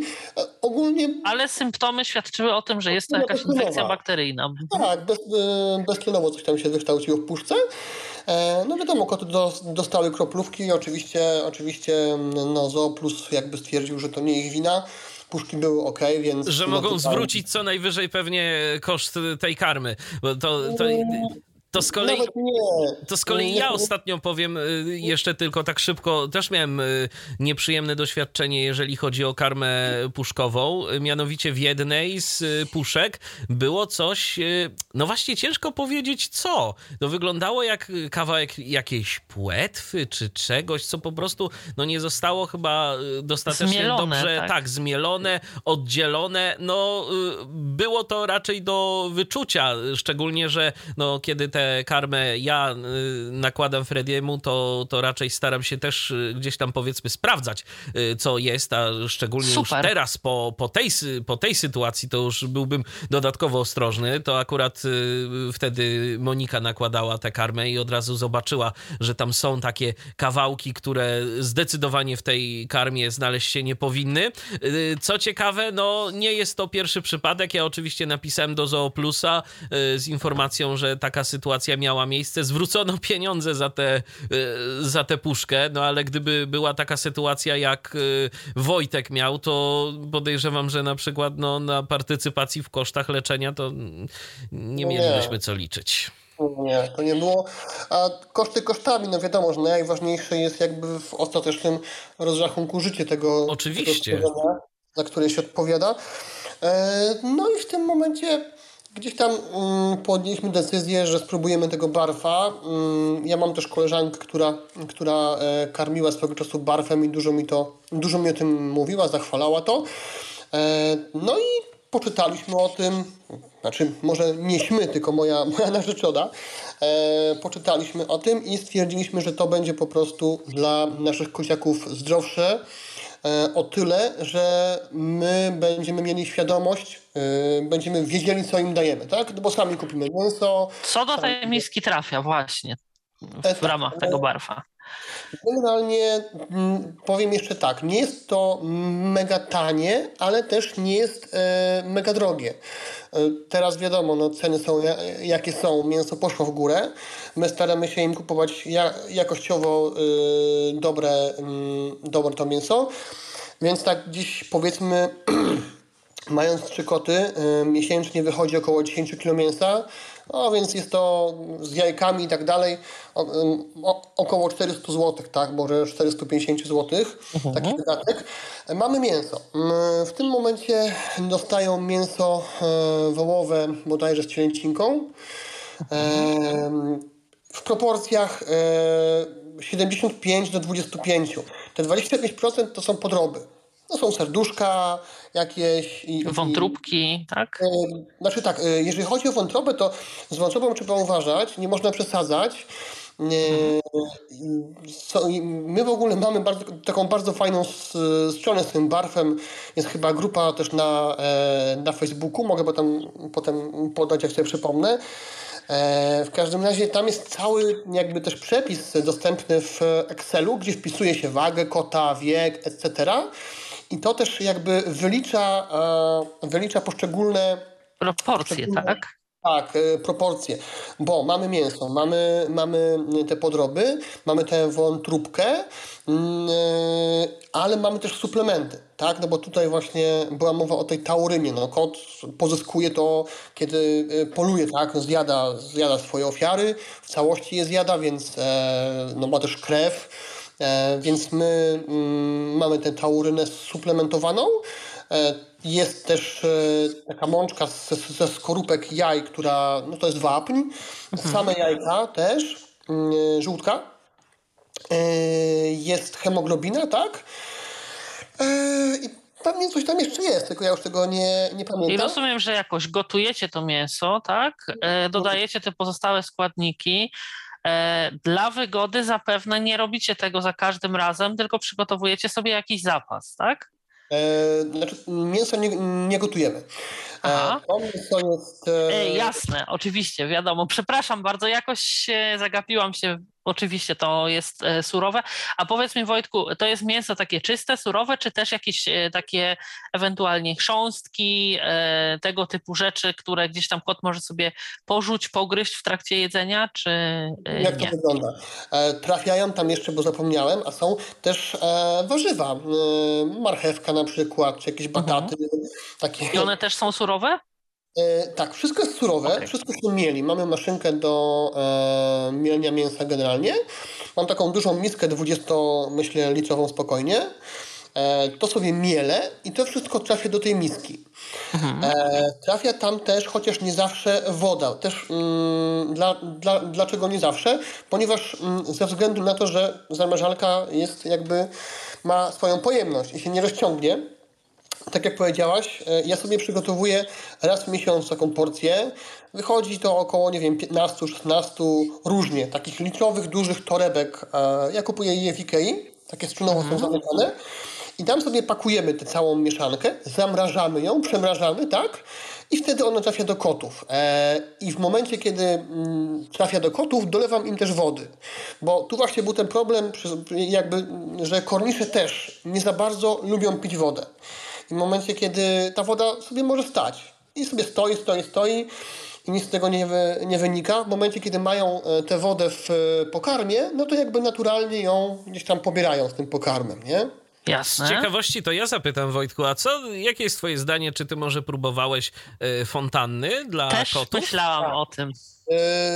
Fontanną było tak, że ta woda też nie, nie robiła na nich większego wrażenia. Gdzieś tam moje koty e, najchętniej mm, najchętniej e, przychodziły jak ja coś, jak myliśmy ręce, albo jak ta woda sobie leciała z kranu, to wtedy były nią zainteresowane. Miałem, fon- mam do tej pory fontannę, ale, ale tak średnio. Bo pytamy o to, y, Michale, dlatego że y, część kotów y, nie chce pić takiej wody stojącej, tylko chce pić wodę bieżącą, a ponieważ Tak. trudno cały czas tą bieżącą wodę odkręcać, żeby kot w dowolnej chwili mógł się napić, są takie kocie fontanny, gdzie po prostu przez ten obieg kot ma wrażenie, że to jest woda Że e, ta cały woda czas płynie, świeża, która płynie. Zgadza tak. się. I wtedy y, jest większa szansa, że on się jej napije. Przynajmniej w teorii, no na razie w praktyce U nas na Fredim tego nie testowaliśmy, nie ma fontanny. Może kiedyś y, mu spróbujemy taką sprawić i zobaczymy, jaki będzie tego efekt. Jasne.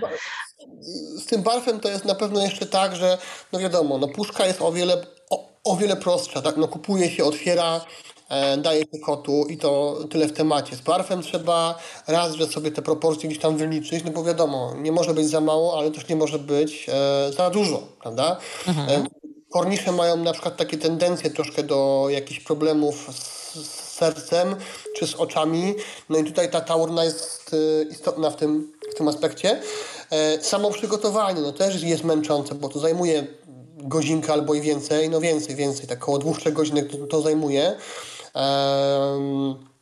Ale no, powiem tak, jak Michał mówił właśnie o tych problemach, e, że tak powiem, e, gastrycznych swojego kota, to ja powiem tak. e, Kiedy, kiedy przeszliśmy z barfa, y, z puszek na barfa, ja po prostu przestałem jakby czuć, że mój kot kuwetuje.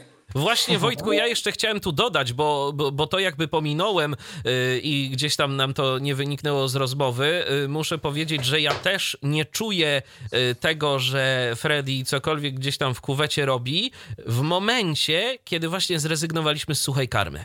Yy, te, teraz tego no, w, w zasadzie nie czuć. Freddy ma jedną kuwetę, mają u nas w toalecie połączonej z łazienką, więc no tam też nie fajnie by było, gdyby było to czuć jakoś bardzo, bardzo mocno. A na samym początku, kiedy mieszaliśmy mu właśnie karmę suchą z mokrą, no to jak Freddy poszedł na dwójeczkę, to było to zdecydowanie czuć. W tym momencie teraz naprawdę no rzadko kiedy yy, cokolwiek, yy, cokolwiek się poczuje, że z tej kuwety się yy, unosi jakiś tam To- zapach. Wiesz, Michał, ja mam, e, ja mam trzy koty, mam dwie, dwie takie duże kuwety, one skakują od góry i jedną mam w kuchni, więc... e, No to tym jakby- bardziej. Tym bardziej. I u nas, e, czy była karma sucha, czy były puszki, po prostu to było bardzo, bardzo e, wyczuwalne. I e, powiem tak, z karmą puszkową, z tym jedzeniem z puszki było tak, że ono często stało. Stało godzinkę, dwie, może dłużej. I Natomiast samo bar- jedzenie też już mniej przyjemnie pachnie wtedy, tak? e, barw, powiem, znaczy nie, no właśnie mm, E, tak. Puszki, mówię o Dla, ludzi, mnie to pachniało jak, jak jakaś taka mielonka, czy, czy, Mhm, czy, czy jakaś taka pastetowa dziwna. E, a barw e, nie ma ja, ja, ja, jakiegoś takiego bardzo wyrazitego zapachu, Mhm. natomiast on znika w przeciągu kilku minut, tak? Po prostu w trzy wąsate A, rozumiem. Czyli jest bardziej apetyczny dla kotów i nie, e, nie ma tego. Ja myślałam, że mówisz w tym kontekście o tej karmie puszkowej, bo u nas ten pies akurat, którego mamy obecnie, nie je puszkowej karmy, ale poprzedni jadł i zdarzało się, że zostawiał czasami. E, Później też zrezygnowaliśmy z tych puszek, właśnie e, głównie w obawie o to, że e, zostawi e, na jakąś godzinkę czy dwie, no to jest e, w dużej części mięso, tak? Gdzieś tam e, będzie nieświeże, zje i, i będą kłopoty, tak? E, Więc e, rzeczywiście pod tym względem, jak mówisz, że ta e, mm, przygotowywana przez Was mieszanka znika od razu, to o wiele lepiej e, też pod tym względem, że po prostu nie zachodzi obawa, że gdzieś tam zostawione ten, ten pokarm zacznie się psuć. Panowie, chciałam Was zapytać o kwestie jeszcze takie mm, związane, bo tutaj mówiliśmy z tym wychodzeniem kotów, bardziej e, z kotami, bardziej skorymi do wycieczek, mniej skorymi i tak dalej. Natomiast e, dla nas też, e, jako osób niewidomych, ważne są takie kwestie, pewnie jak jakieś zabezpieczenie okien, tak? Bo w lecie, kiedy jest cieplej, czy po prostu, żeby wywietrzyć pomieszczenie, no te okna jednak otwieramy. Mówiliśmy o tym, że koty są zwinne i ciche. Czy w jakiś sposób zabezpieczaliście okna, balkony, być Oj, może dla kogoś z naszych słuchaczy, to też będzie taka kwestia, e, która w jakiś sposób może nie to, że zniechęca, ale e, wydaje mu się trudna e, w rozwiązaniu właśnie takie upilnowanie kota w kontekście tych wychodzenia ewentualnie gdzieś tam na zewnątrz oknem, tak? Alu, ja od razu, ja od razu może powiem, tak? że to nie jest kwestia widzenia czy niewidzenia. Mhm. Zaleceniem hodowli jest mhm. to, że balkon ma być osiadkowany, mhm. że okna mają mieć kratki, yy, takie, które się, które się montuje w miejscu, gdzie, są, gdzie te okna są uchylne i po prostu ma być to zabezpieczenie takie, żeby ten kot nie wyszedł i, mhm. yy, i żeby mu się po prostu nie stała krzywda. Powiem więcej, są hodowle, które sobie życzą przed tym, zanim ty tego kota dostaniesz, żeby mhm. zrobić zdjęcia mieszkania i yy, żeby pokazać, że to już jest przygotowane, yy, gdzie po prostu no, no, że, to już jest przy, że to już jest przygotowane, że te zabezpieczenia są zapewnione. I tu absolutnie to nie ma nawet nic wspólnego z tym, czy się widzi, czy nie. Po prostu. E, ja nie mówię, kota... wiesz, że tylko osoba niewidoma nie upilnuje. Mówię, że w e, przypadku osoby niewidomej jest to, może to być czymś takim, że, czego ktoś będzie się obawiał, tak? Ale to, że nie zobaczy i tak dalej. Ale to nie ma, jasne, ale, w, ale w tym przypadku to nie ma absolutnie znaczenia, bo mhm. po prostu każdy odpowiedzialny mm, opiekun kota y, to po prostu zabezpieczy ten, y, zabezpieczy te, te mhm. miejsca. Y, czy, w, czy się widzi, czy się nie widzi. U nas jest balkon, balkon jest osiadkowany. Kiedy jeszcze nie mieliśmy tej siatki, to po prostu Freddy nie wychodził na ten balkon, chyba że mhm. trzymaliśmy go, ale to trzymaliśmy go na ręku. Po prostu nawet nie puszczaliśmy go tam, żeby gdzieś wychodził, bo to jest moment. Jasne. On mógłby zobaczyć jakiegoś ptaka, kota, tak, tak, albo cokolwiek innego, coś mogłoby go mhm. zainteresować. To jest moment i kot wyskoczy i po prostu nie masz kota. A, I mógłby ja rozumiem, sobie że on krzywdę. jest osiadkowany od balustrady do samego sufitu. Tak, tak? dokładnie. dokładnie. Mhm. Jest taka siatka, y, ona jest y, przyklejona na takich y, haczykach i w tym momencie no, on nie ma opcji, żeby się gdzieś tam wydostał, y, żeby wyskoczył. Okna, które otwieramy, które są y, oknami mm, takimi uchylnymi, to mają mhm. zamocowane kratki. Nawet w sumie my nie musielibyśmy tego robić, bo y, tam ten kot w ten uchył nie ma szansy się wcisnąć, ale mimo wszystko dla spokoju gdzieś tam naszego, to zdecydowaliśmy zdecydowaliśmy się na zamontowanie tych okien, tych kratek w oknach, które uchylamy, czy to w kuchni, czy to w sypialni, żeby po prostu mieć absolutną pewność, że się kotu nic nie stanie. I to są, i to są tak naprawdę takie dwie podstawowe rzeczy. Siatka okay, na balkonie to dopytam jeszcze jedną i, rzecz. I, i, i kratki e, te kratki, e, to są tak jakby takie na, na, takiej samej płaszczyźnie jak moskitiery, tylko taka e, większa krata, jakby większa oczka, tak? To znaczy tak, tak. One są jakby mhm. piono, one są. Na stałe. Tak, na stałe są po prostu mhm. przyklejone do, y, do framugi okiennej, żeby tam kot nie miał jak się wcisnąć, bo to nawet nie chodzi o to, żeby on wyszedł przez ten mhm. uchył, ale po prostu może się powiesić. Może się mhm. zakleszczyć w tym y, y, uchyle, y, może próbować tam wejść i po prostu no, może zrobić sobie krzywdę. Jasne. Tak, bo moskitora nam jakby zasłania światło. światło. Mhm. A tutaj ta klatka jest jakby montowana, e, no, powiedzmy w poprzek, tak? Że w sensie ona nam jakby, kiedy okno się uchyli, to zasłania właśnie ten taki jakby... Trójkącik. Taki ten e, trójkącik. Ja powiem szczerze, że tego nie używam akurat, bo zawsze kiedy wychodzę, zamykam okna. Natomiast no, moskitiera była u mnie od zawsze, tak? No, bo po prostu nie Owady. lubię. Ja też. A poza tym moje koty też często na przykład, e, zwłaszcza, że mam e, taką słoneczną stronę mieszkania w kuchni, więc one, ja im często okno otwieram i, i, i tam sobie siedzą, tak? Leżą, siedzą, właśnie badają świat, nie? Mhm. Czyli jeśli nie uchylamy, jeśli nie zachodzi ta obawa, że e, tak jak mówi Michał, się zakleszczą, to spokojnie otwierając z moskitierą, ona też spełni taką rolę, że e, kot nie wyjdzie, tak? Tutaj nie, nie, nie musimy się decydować na jakieś dodatkowe Tak, zabezpieczenia. dokładnie. Ale to bardzo dobrze, że hodowcy wymagają i że y, nawet e, próbują jakoś y, zweryfikować to, czy faktycznie takie zabezpieczenia e, zostały założone. Ja powiem Okej. szczerze, ja Tak. powiem szczerze, my mieliśmy kontakt y, z dwiema hodowlami.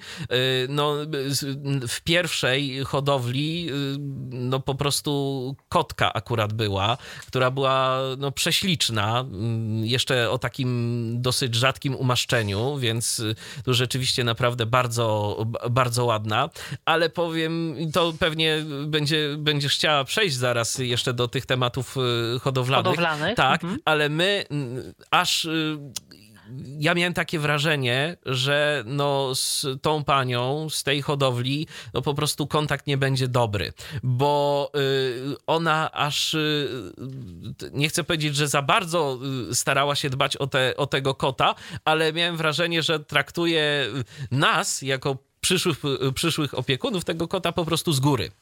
I, Aha. i, to, I to też nie, nie było dobre. To jeszcze zresztą o hodowlach to na pewno będziemy rozmawiać. Ale to tak właśnie na marginesie, że no po prostu Jasne. musi zagrać ta, ta relacja. Tak, musi być jakaś chemia, Tak. zwłaszcza, że e, w przypadku osób, które mają kota danej rasy e, czy psa danej rasy po raz pierwszy, e, ten kontakt z hodowcą jest naprawdę ważny, bo to od niego e, będziemy czerpać e, tą początkową wiedzę właśnie odnośnie opieki, żywienia, zdrowia, higieny i tak dalej, i tak więc e, e, w ten sposób e, musi to wyglądać.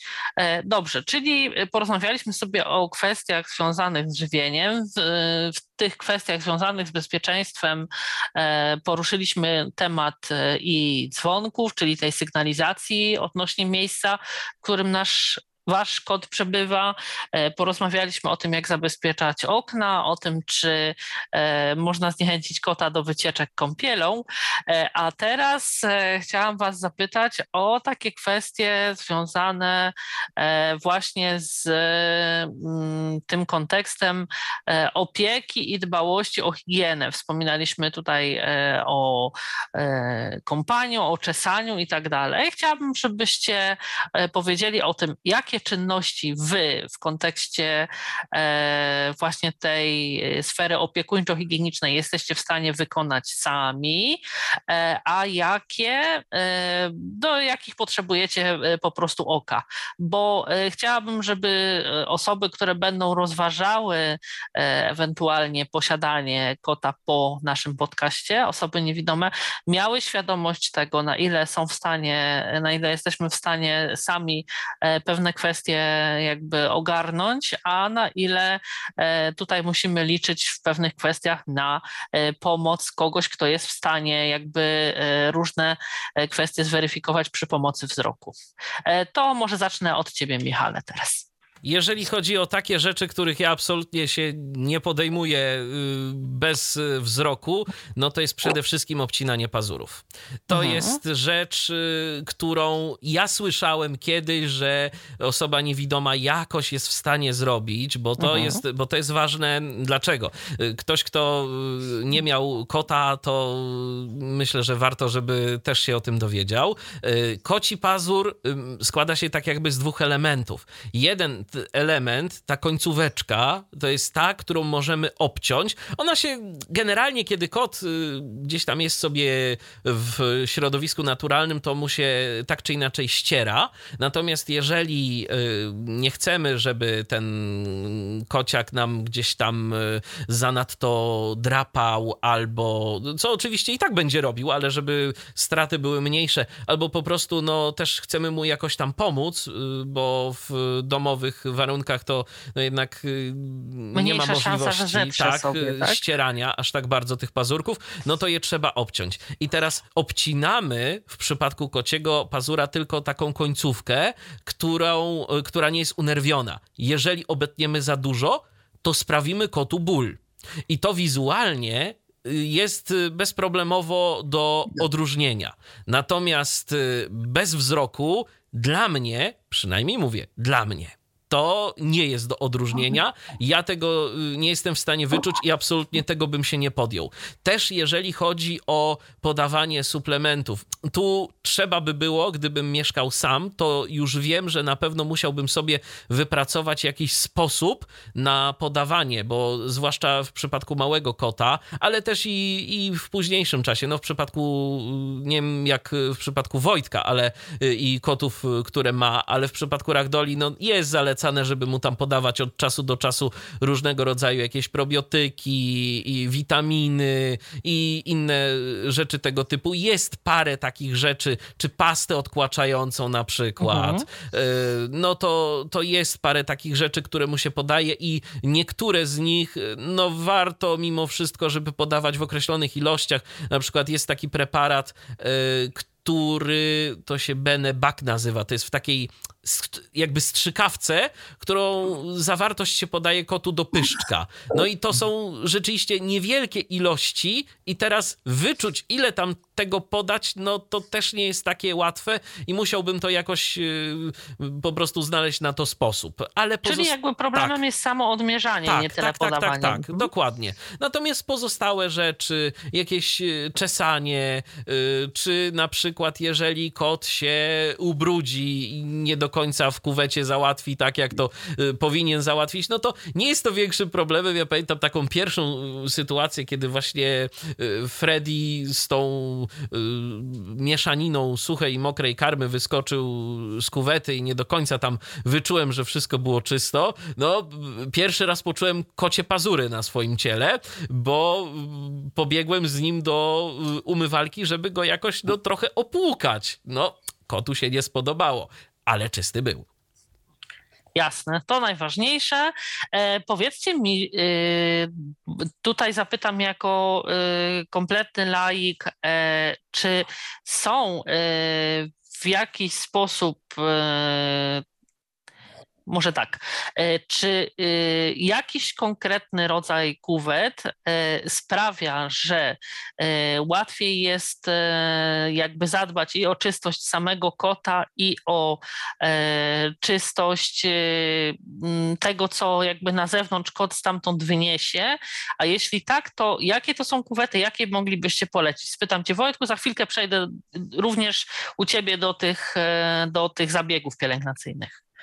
Jeśli chodzi o kuwety, ja miałem na początku taką kuwetę, gdzie kotek sobie wchodził takimi jakby drzwiami wahadłowymi z przodu. Yy, I to było słabe moim zdaniem, bo po pierwsze, jeżeli chodzi o samo czyszczenie, trzeba było całą tę górę zdjąć, żeby to yy, wyczyścić. Całą no górę, czyli te drzwi i ścianki, tak? Yy, całą górę, czyli po prostu to było razem zamontowane, mhm. ściągało całą górę zostawał tylko sam spód jakby, nie? Jasne. Y, I y, po drugie kot wychodząc, no wynosił tego żwirku dość dużo. Mhm. Co jeszcze ważne, ta kubota była dość płytka, i no jakby mało tego żwirku można było tam nasypać. Ja akurat jestem zwolennikiem tego, żeby kot miał żwirku dużo, żeby, żeby było go po prostu jakby mm, na, na głębokość dużo, no bo moje mhm. koty bardzo lubią kopać. Um, Zagrzebują materiał, tak? Tak, zdecydowanie. Mhm.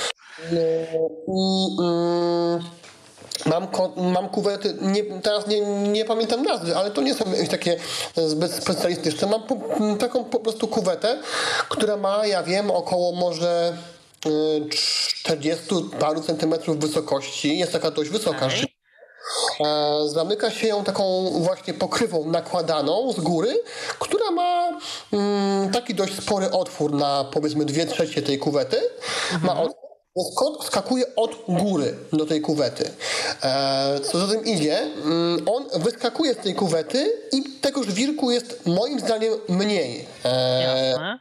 Może wyjść sobie... On w nim nie drepcze, tylko to, co podczas, że tak powiem, odbicia mu się przyczepi do łap, wynosi, tak? Tak, a poza tym on też może sobie wyskoczyć e, jeszcze na taki fragment dziurkowany tej, tej, tej górnej pokrywy. A, okay. I można jeszcze podreptać i, i też mu to się... z powrotem. Na przykład, tak. E, no i właśnie, tu mamy o wiele możliwość wsypania o wiele większej ilości żwirku.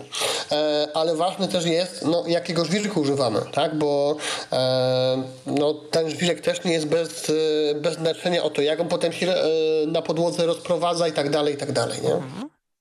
I najczęściej mi się łatwiej taką kuwetę, bo po prostu wkładam rękę przez tę dziurę, ona no naprawdę dość spora, ta, te, ten otwór i po prostu to, co trzeba wyjąć, wyjmuję i tyle w temacie.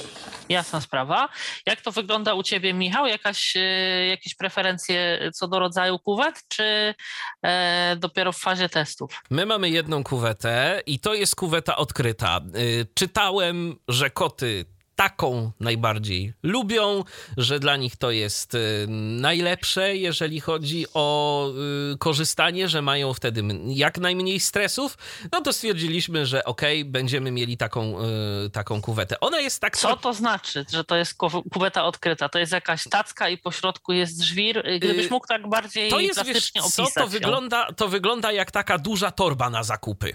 Tak, bym, tak bym powiedział. Ona jest po prostu na dnie tej torby torby, ona jest z plastiku oczywiście, -hmm, ona -hmm. jest, y, na dnie tej torby jest y, żwirek, no i y, w tym momencie kot sobie wskakuje, może wskoczyć od góry, od góry tak? tak? może wskoczyć mm. od góry, a tę torbę, jeżeli chcemy na przykład się tego żwirku pozbyć, to możemy tak naprawdę zabrać i gdzieś tam powiedzmy przesypać tę całą, tę całą zawartość, żeby, żeby tę kuwetę opróżnić. Także okay. w, ten, w ten sposób u nas to wygląda. I jeszcze jedna rzecz, rzecz, pod kuwetą jest taka specjalna mata, yy, która zbiera ten żwirek, y, no, który gdzieś tam się do kocich łapek y, przyklei. Y, taka trochę coś jakby wycieraczka. Natomiast, natomiast no, realnie patrząc na sprawę, i tak trochę żwirku zawsze, zawsze będzie, ale od tego jest odkurzacz, żeby go zebrał. Jasne, okej. Okay. To wracam do tematu zabiegów pielęgnacyjnych e, u Wojtka. E, co, Wojtku, e, tutaj jest, że tak powiem, w Twojej gestii i mocy, a co pozostawiasz narzeczonej do, do wykonania? Powiem tak, ja, ja też nie, nie tykam się obcienia e, pazurów. Mhm. Z tego względu co Michał. E, poza tym nasze koty tego bardzo, bardzo nie lubią, zwłaszcza jeżeli chodzi o tylne łapy. Mm, mega się przed tym bronią. To jest zabieg e, niezbyt dla nich przyjemny. Mhm. Poza tym to nic. Poza tym to, to mm, jakby ja kotki naszej nie czeszę, ale, ale nie miałbym z tym jakiegoś większego problemu. Więc e, jakby e, czasami też mm, kornisze przynajmniej, e, kiedy są same, wymagają czyszczenia uszu. Ale to myślę też nie byłby większy problem, bo można sobie wziąć jakiś wacik, czy, czy, czy, czy bo nie mówię o patyczku, ale mhm. jakiś i to ucho mu przeczyścić. Natomiast no, u mnie ten problem odpada, bo mamy inne koty i one sobie uszy jakby czyszczą. Wzajemnie. Tak, tak, ale kąpałem też koty. E, no, wiadomo, też te, gdzieś tam to przeżywają po swojemu, ale, ale nie miałem z tym większych problemów. Jasne. E, nie wiem, czy e, wydaje mi się, że są dla psów i kotów, ale ja mam akurat dla psa takie specjalne płatki do czyszczenia uszu, ponieważ e, mój to jest taki pies bardzo zwisłouchy i niestety raz w tygodniu tutaj taka mm, toaleta uszna jest konieczna. I one są nasączane takim specjalnym płynem, który po pierwsze pozwala to ucho wyczyścić z wszystkich wydzielin, które tam są, a po drugie też jest na tyle neutralny, że czyszcząc nie narusza tej takiej flory właściwej, tak, w uchu. I to jest o tyle fajne, że tym, tym, tym płatkiem on nie jest na waciku, na, przepraszam, patyku, na patyczku, tylko my go sobie tak jakby owijamy na palcu, że przez cały czas mamy kontrolę i czujemy, jakiego fragmentu E, psiego ucha dotykamy i z jaką mocą, tak? Że nie jest to tak, że trzymamy jakiś patyczek i nie do końca uświadamiamy sobie, e, jak mocno e, gdzieś tam przyciskamy, tylko jesteśmy w stanie przez cały czas właśnie tą, ten ruch kontrolować i właśnie to jest, bardzo mi to ułatwiło zadanie, więc jeśli są takie do czyszczenia kocich uszu, to jakby w kontekście nie zwierzaka, u którego e, wykonujemy tą toaletę, ale samej, e, samego jakby ułatwienia, samego mechanizmu, to zdecydowanie polecam, bo jest to bezpieczniejsze i myślę, że też przyjemniejsze dla e, zwierzaka, bo robimy to po prostu delikatniej. Okej. Okay to e, myślę, że teraz e, zmierzając powolutku do końca, ale bardzo powolutku na razie, e, Popytam Was o hodowlę, o wybór hodowli, o to, e, na co powinniśmy zwrócić szczególną uwagę i też e, na takie kwestie związane z, o takie kwestie związane e, z przygotowaniem trochę naszego domu na przyjście nowego domownika, na przyjęcie nowego domownika. I tak, e, może zacznę tym razem od Wojtka, e, bo e, tutaj u ciebie, Wojtku, jest kwestia taka, że jeden, nie, dwa koty są u ciebie od kocięcia, tak, jak dobrze kojarzę, Teo i Daisy. Natomiast Nessie była już u was jako kot dorosły, przyszła do was i chciałabym, żebyś z tej perspektywy mm, powiedział, Oczywiście w takim y, krótkim zarysie y, o zaletach przyjmowania małego kotka do domu i o tych zale zaletach y, Mm, przyjęcia dorosłego już kota. E, no i oczywiście też e, o tym, jakie wiążą się z tym ewentualnie problemy. Najpierw rozwiążemy tą kwestię, czy mały kot, czy duży kot, a później porozmawiamy o poszukiwaniu i wyborze właściwej hodowli, ok? Jasne. To, to są oczywiście pewne subiektywne moje oceny, ale zdecydowanie e, mały kot. Mhm. Ponieważ, ponieważ tego kota możemy jakby to nigdy nie zabrzmiało, spersonalizować pod siebie, tak? Czyli Ukształtować możemy, na swój e, tam model, tak? Możemy go nauczyć wielu rzeczy, możemy go do tego, że, że, że, że bierzemy go na ręce, e, że śpimy z nim w łóżku, chociaż do tego to akurat nie trzeba jakoś bardzo kota na, na, namawiać. Mają w tym, mm, mają w tym temacie obiekty czasami, z tego co wiem. E, to też do kąpieli możemy go przystosować. E, natomiast e, wiadomo, no, to co już mówiłem wcześniej, mały kot ma tendencję do gryzienia. Mi na przykład potrafił wyjąć e, słuchawki z szafki i, i kabel przegryźć. Więc to są minusy, ale z kolei no, duży kot trafia do nas z pewnym bagażem, tak? Bagażem doświadczeń, nawet jeśli w dobrej hodowli i tak dalej, i tak dalej, to zawsze gdzieś tam no, jakieś to życie miał. Każdy dom ma inny rytm, inne e, jakieś rytuały, prawda? I tutaj kot przychodzi do nas już z nawykami z tego domu, w którym dorósł. Dokładnie. E, I też e, małe koty szybciej się jakby asymilują z pozostałymi domownikami i zwierzętami. Mhm. Szybciej się w ogóle takie mam wrażenie, adaptują. No, duży kot. Bo są takie mniej pewne siebie, tak? Dorosły kot już nie jest e, taki e, bardziej zależny, e, co sprawia, że też jakby nie jest w pełni może tak zdany na tego nowego właściciela i przez to też pewnie troszkę wolniej się adaptuje. Może, ale też ma swoje mhm. e, przyzwyczajenia, tak? E, I na przykład widzę to w przypadku Neski, ona miała bardzo duży problem, żeby dać się wziąć na ręce. Dla niej to było mhm. coś dziwnego, niezbyt naturalnego. E, zupełnie inaczej jest w przypadku właśnie e, Teodora i, i, Daisy. Oni to, one to bardzo lubią. E, Teo to wręcz właśnie tak się rozwala na, na grzbiecie i lubi być właśnie, no jak dziecko tak naprawdę no, noszony, tak? Mhm. Tak samo właśnie jeżeli chodzi o te adaptacje, Daisy się bardzo szybko zaadaptowała w ciągu tam dwóch, trzech dni, no a Nessa prawie trzy, cztery dni, gdzieś tam nawet pięć, e, siedziała w pokoju w kartonie i, i nie chciała z niego za bardzo wyjść, tak? Ja o to pytam, dlatego że ja jakby tutaj też nawiążę do tego mojego doświadczenia, nie kociego, ale psiego akurat. E, pierwszego psa, którego mieliśmy, to był pies, którego e, mieliśmy od szczeniaka, dwumiesięcznego szczeniaka, a obecny nasz pies to jest e, pies, którego dostaliśmy jako psa przewodnika w momencie, kiedy miał już prawie dwa lata. I to jest zupełnie inna bajka przyjęcie właśnie małego pieska i takie mm, e, układanie go, e, to widzenie, jak on przejmuje pewne nawyki domowników, e, na przykład, że wie, że już jest pora, kiedy się kładziemy spać, albo różne takie rzeczy, które są dla niego symptomatyczne, że wie, że za chwilę będzie spacer i tak dalej, i tak dalej. On się tego szybciutko uczy i jest taki bardzo w tym otwarty na tą, e, na te nabywanie nowych przyzwyczajeń i tak dalej, i tak dalej, bo tak jak e, małe dzieci, młode zwierzęta są po prostu plastyczne.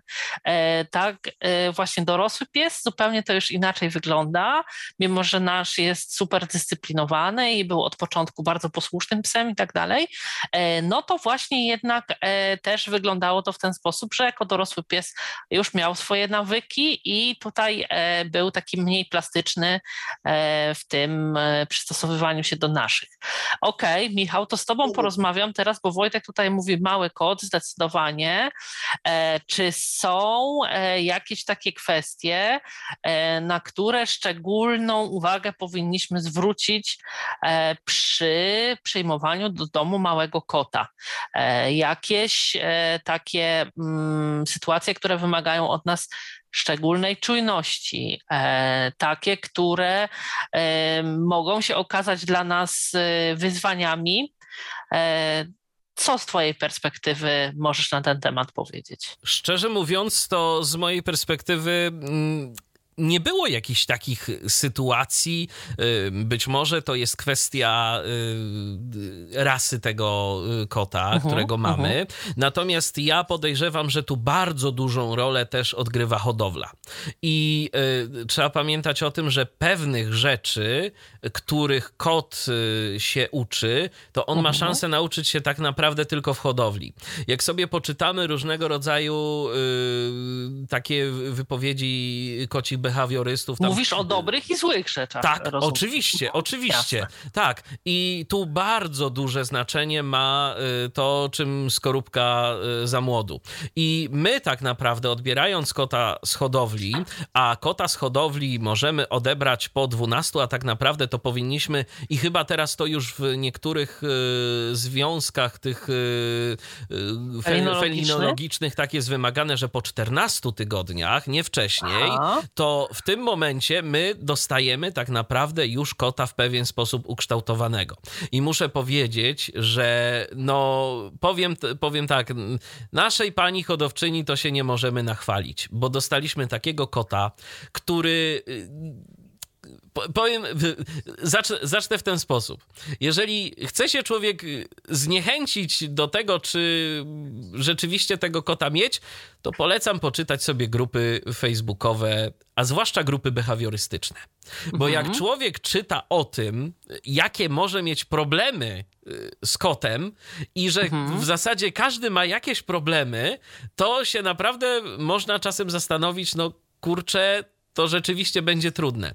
My dostaliśmy kota, który y, w zasadzie nie miał problemów żadnych. No, zdrowotnych nie miał i miejmy nadzieję, że, że tak pozostanie, ale takich z zachowaniem. Kiedy odebraliśmy Frediego, a odebraliśmy go z okolic śląskich, bo z Dąbrowy Górniczej, Aha. więc no, kawałek z nami do Iławy jechał. Zachowywał się bardzo spokojnie w pociągu. Zresztą to będzie kot podróżnik, bo już z nim później też jechaliśmy i, i nie było absolutnie też żadnych problemów, a no nie wszystkie koty to lubią. Uh-huh. Nasz y, bardzo ładnie to znosi, jest bardzo grzeczny. Więc... Rozumiem, że podróżuje w transporterze. Tak, tak? podróżuje w mhm. transporterze. Y, nie ma z tym absolutnie żadnego problemu. Y, jest, jest bardzo spokojny. Natomiast jak to wyglądało, kiedy mm, my z tym kotem przyjechaliśmy?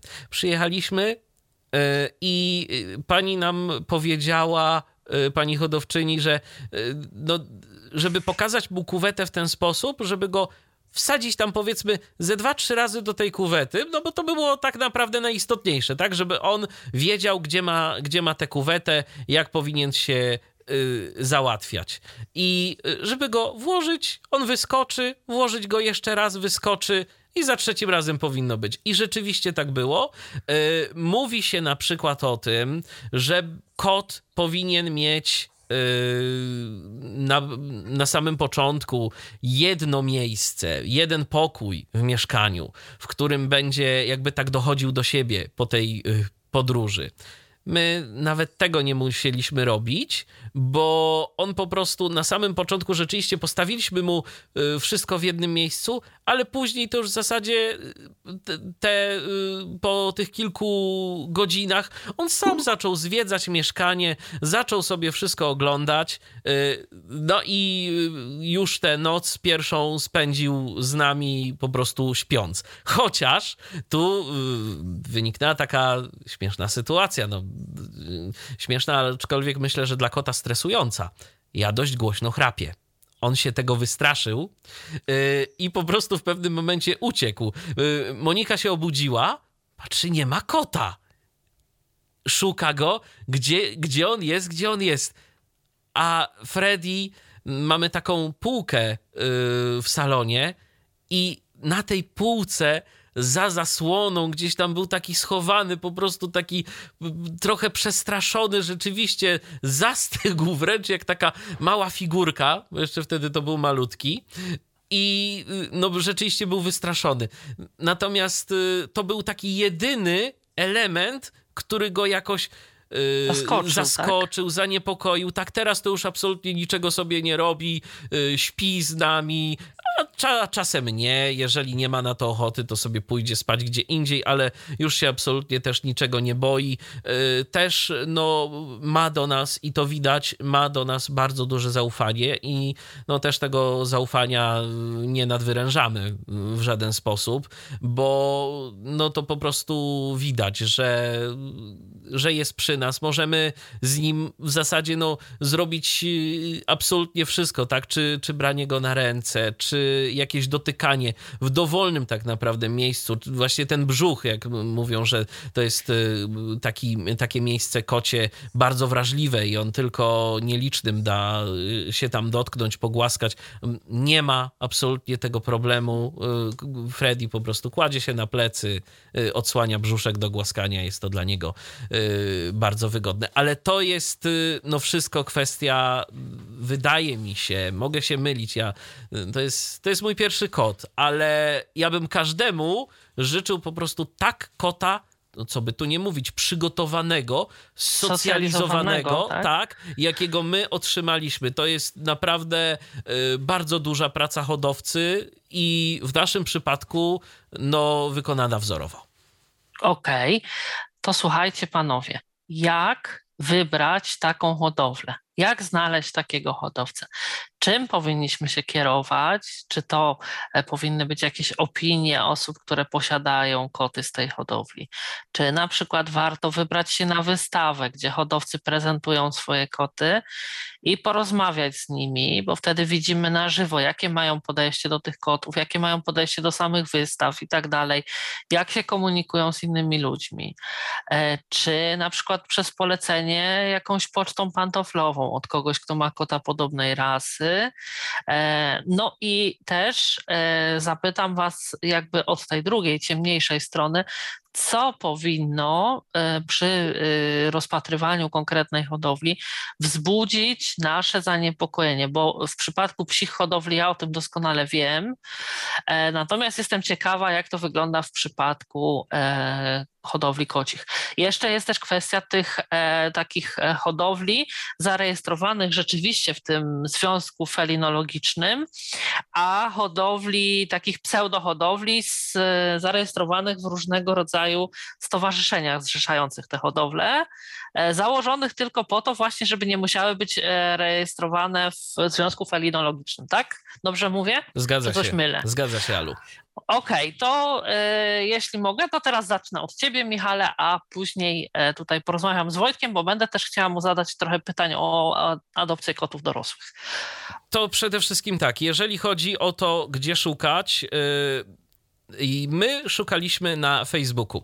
Na Facebooku jest kilka grup y, i myślę, że to nie tylko dotyczy Ragdola, mhm. ale też innych kocich ras. Po prostu trzeba poszukać grup, y, które zrzeszają y, te osoby, no, które zajmują się hodowlą i też po prostu, które mają takie koty. Mhm. E, ja się zapisałem w zasadzie do wszystkich grup ragdolowych y, polskich y, na Facebooku, wpisując po prostu odpowiednie y, hasło w wyszukiwarkę. I teraz ważne jest to, jaki jest regulamin danej grupy. Akurat w przypadku ragdoli w żadnej grupie nie może ogłaszać się hodowla, która nie jest zarejestrowana w tych związkach e, felinologicznych. To są e, najpopularniejsze mm, takie związki, to tak naprawdę no Felix Polonia przede wszystkim. Z tym, że z Felix Polonia jest tak, e, że Felix Polonia bezpośrednio nie zrzesza hodowców, a kluby. I teraz trzeba po prostu no już to weryfikować, czy dany klub, czy dana hodowla jest pod danym klubem, ale takie hodowle no, no, się jakby tym chwalą. I też y, to, że dana grupa nie pozwala na ogłoszenia hodowców niezrzeszonych w tych w związkach e, felinologicznych, uh-huh. to też już jest jakimś filtrem. A tam akurat y, administrują tymi grupami osoby, które się na tym znają i które już po prostu nie dopuszczą takich y, pseudohodowców. Pseudohodowli. Tak, uh-huh. absolutnie pseudohodowli należy unikać, bo no, dos- po pierwsze, nie dostaniemy kota y, rasowego, a możemy dostać kota z z różnego rodzaju chorobami, kota niesocjalizowanego, no po prostu z problemami. Teraz... E, to jest też kwestia, przepraszam, że jeszcze wejdę ci w słowo, e, to jest też kwestia e, tego, jak są prowadzone rozrody w tych hodowlach. Oczywiście, tak? że one że są tak. ukierunkowane tylko, tylko na, zysk. zysk E, bardzo często e, kotki miewają potomstwo, bo nikt nie dba e, o, to znaczy może w dalszej kolejności dba się o ich dobrostan, a w pierwszej kolejności o to, żeby były po prostu wydajne, żeby tych kotów tak. było jak najwięcej, więc takich hodowli powinno się unikać. Tu jest jedna bardzo ważna rzecz. Kot rasowy to jest kot z rodowodem. I od mhm. tego nie ma odstępstw. Jeżeli ktoś mówi, że ma kota rasowego, ale, ale nie ma rodowodu, rodowodu to mhm. po prostu y, unikać takich hodowli, bo to jest, y, no to jest po prostu pseudohodowla i to Jasne. nie ma absolutnie od tego wyjątków. Y, jeżeli na przykład słyszymy, że a, bo to rodowód, to, to jest drogi. Wystawienie rodowodu to jest 50 czy 60 zł. Mhm. Koszt, koszt kota to, to nie jest absolutnie koszt rodowodu, tylko po prostu no, hodowca chce, żeby zwróciły mu się pieniądze, jakie wkłada w to, żeby ten kot do nas rzeczywiście przyszedł w takim, a nie innym stanie, żeby był zdrowy. To są badania, to są badania niekiedy drogie, no bo tu mamy kwestię genetyki. To jest uh-huh. kwestia kojarzenia odpowiednich kotów ze sobą, żeby nie było żadnego tego tak zwanego e, chowu wsobne, wsobnego. wsobnego. Uh-huh. Tak, żebyśmy e, no tutaj nie mieli e, z tym problemów. Też, e, trzeba... I też e, wszelkiego rodzaju e, prześwietlenia, takie badania tak. genetyczne, mm, pod rodziców, kątem, a tak. czasami nawet dziadków tak, tych oczywiście. pod kątem ich motoryki, e, układu ruchu i tak dalej. Tak? I też e, trzeba mieć na względzie to, że różne rasy kotów y, są narażone na różnego rodzaju choroby. No na przykład y, y, i to też są choroby genetyczne. Chociażby kwestia, no taką jedną z chorób w przypadku ragdoli, to może być kardiomiopatia przerostowa, jak dobrze pamiętam, to się tak nazywa, to jest HCM i na przykład na tego typu, na obecność genów, które powodują tę chorobę, no to powinni być przebadani właśnie rodzice takiego, takiego kota, którego dostajemy. I to już trzeba po prostu poczytać o danej rasie i no, dowiedzieć się, co może być problemem, na co może być narażony taki kot. No i też to jest ważne, jak wybrać dobrą hodowlę. Nie należy kierować się do końca ceną. Niestety mhm. kot rasowy swoje kosztuje i teraz y, trzeba po prostu mniej więcej też zobaczyć i jaka jest cena danego kota, y, taka średnia. I jeżeli w tym momencie ktoś nam oferuje kota rasowego za połowę tej ceny, y, to oznacza, że coś tu jest nie tak. Że... To jest jak z wszelkimi tak. ofertami, które e, budzą właśnie zaniepokojenie tym, że cena jest e, zbyt niska. Dokładnie, tak? a tu po prostu, no okej, okay, zaoszczędzimy, ale może się okazać, że wydamy naprawdę dużo u weterynarza albo jakieś inne e, kwestie. Albo u behawiorysty. Tak, u behawiorysty, a tak, oczywiście, że tak, bo mhm. kot oprócz problemów zdrowotnych może mieć problemy behawioralne. Także tu po prostu, no ja y, jestem y, zwolennikiem tego, no nam się tak udało, y, po prostu przeglądać Facebooka, sprawdzać, czy są jakieś ogłoszenia. Hodowle się zwykle właśnie ogłaszają w tego typu miejscach, że są koty, które są, są mioty, czekają na nowe tak, domy. które czekają mhm. na nowe domy, dokładnie, i wtedy po prostu skontaktować się z hodowcą i to jest też ważne, o czym mówiłem wcześniej, już tak y, zawzmiankowałem, po prostu musi nam się z y, hodowcą dobrze rozmawiać, bo mhm. jeżeli y, czujemy, że coś nie gra, jeżeli hodowca unika odpowiedzi na jakieś pytania, albo, no tak po prostu, krótko mówiąc, jest niemiły, to ja bym się od takiej hodowli trzymał z daleka, bo trzeba pamiętać o tym, że hodowca będzie naszym wsparciem przez y, lata. Hodowca też chce wiedzieć, co się dzieje z kotem, więc to nie jest tak, że odbieramy kota y, od hodowcy i się nie znamy. Nie, to działa w dwie strony. Po pierwsze, my i to jest, y, nawet w niektórych y, umowach jest to, mm, jesteśmy zobligowani do tego, żeby informować o co jakiś czas o stanie y, naszego kota, ale też po prostu no, jest to taką grzecznościową formą, że co jakiś czas my na przykład do pani Agnieszki z hodowli wysyłamy zdjęcia Frediego, jak się rozwija, jak się bawi, zdjęcia, filmiki, żeby po prostu też wiedziała, jak wygląda rozwój rozwój tego kota, bo na przykład, gdyby y, i dlaczego to jest też istotne, też trzeba po prostu hodowcę informować o wszelkiego rodzaju powikłaniach, bo jeżeli na przykład okazałoby się, że y, ten kot po tych i konkretnie rodzicach, mimo tego, że oni zostali przebadani, miałby na przykład jakąś chorobę yy, albo coś by się z nim rzeczywiście działo, no to trzeba na przykład yy, brać pod uwagę wycofanie takich yy, rodziców z hodowli. E, Jasne. Więc to są no, takie rzeczy, które, które są istotne. I teraz e, no, z jednej strony my kontaktujemy się z hodowcą, ale w, w kwestii tego, że wysyłamy czy jakieś zdjęcia, filmiki i tak dalej, informujemy o stanie tego kota, ale też no, hodowca jest tą naszą pierwszą linią wsparcia. Jeżeli coś nas niepokoi, jeżeli coś się dzieje, to po prostu pytamy i dobry hodowca nigdy nas nie zbędzie. Jeżeli czegoś nie wie, bo też ma prawo nie wiedzieć, bo każdy jest człowiekiem, to się dopyta, to się e, postara dowiedzieć i udzielić nam e, jakiegoś e, wsparcia w kwestii tego, no, co mamy zrobić, jak mamy pokierować w dalszym ciągu tym naszym kotem on też mając e, hodowca czy hodowczyni, mając e, doświadczenie z hodowlą danej rasy, w momencie, kiedy wysyłacie na przykład e, filmiki, na których kot się bawi albo jakieś tam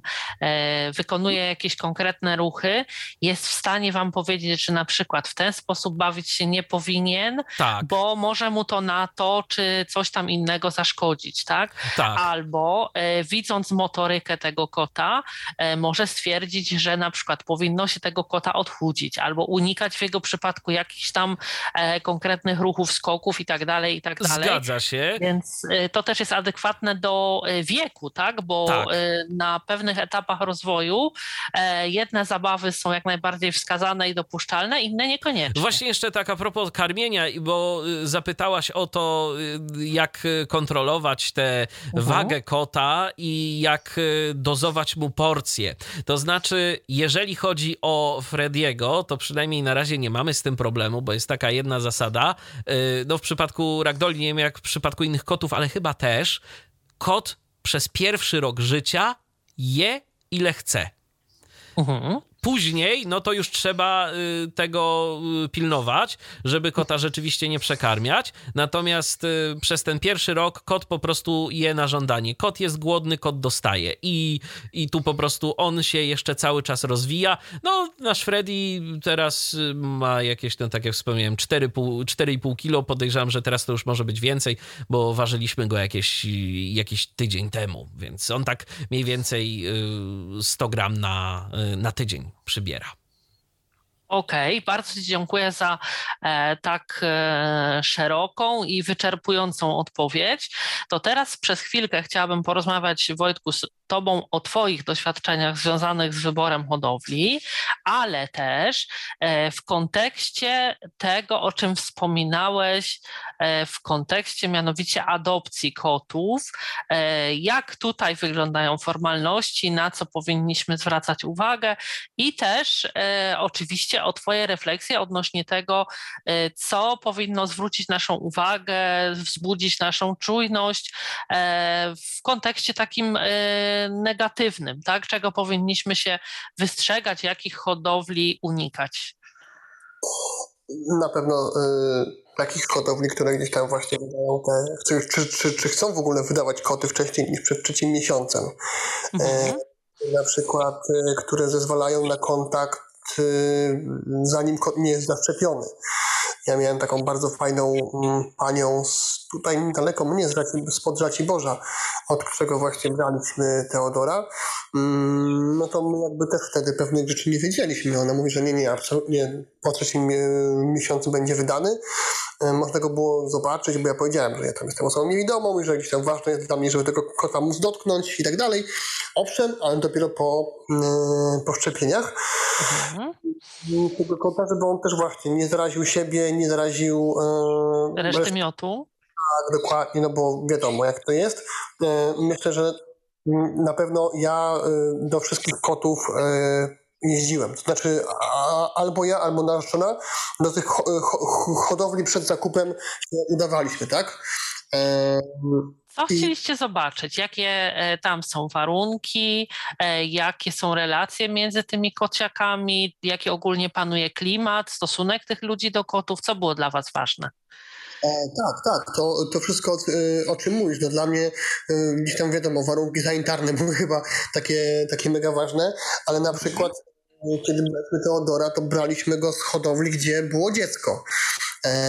I to było też takie dość ciekawe, bo, bo to dziecko jakby z tymi kotami żyło, tak? Też się w pewnym sensie socjalizowało dość dobrze. Mm, ale też chcieliśmy właśnie zobaczyć, jak to, jak to tak naprawdę wygląda.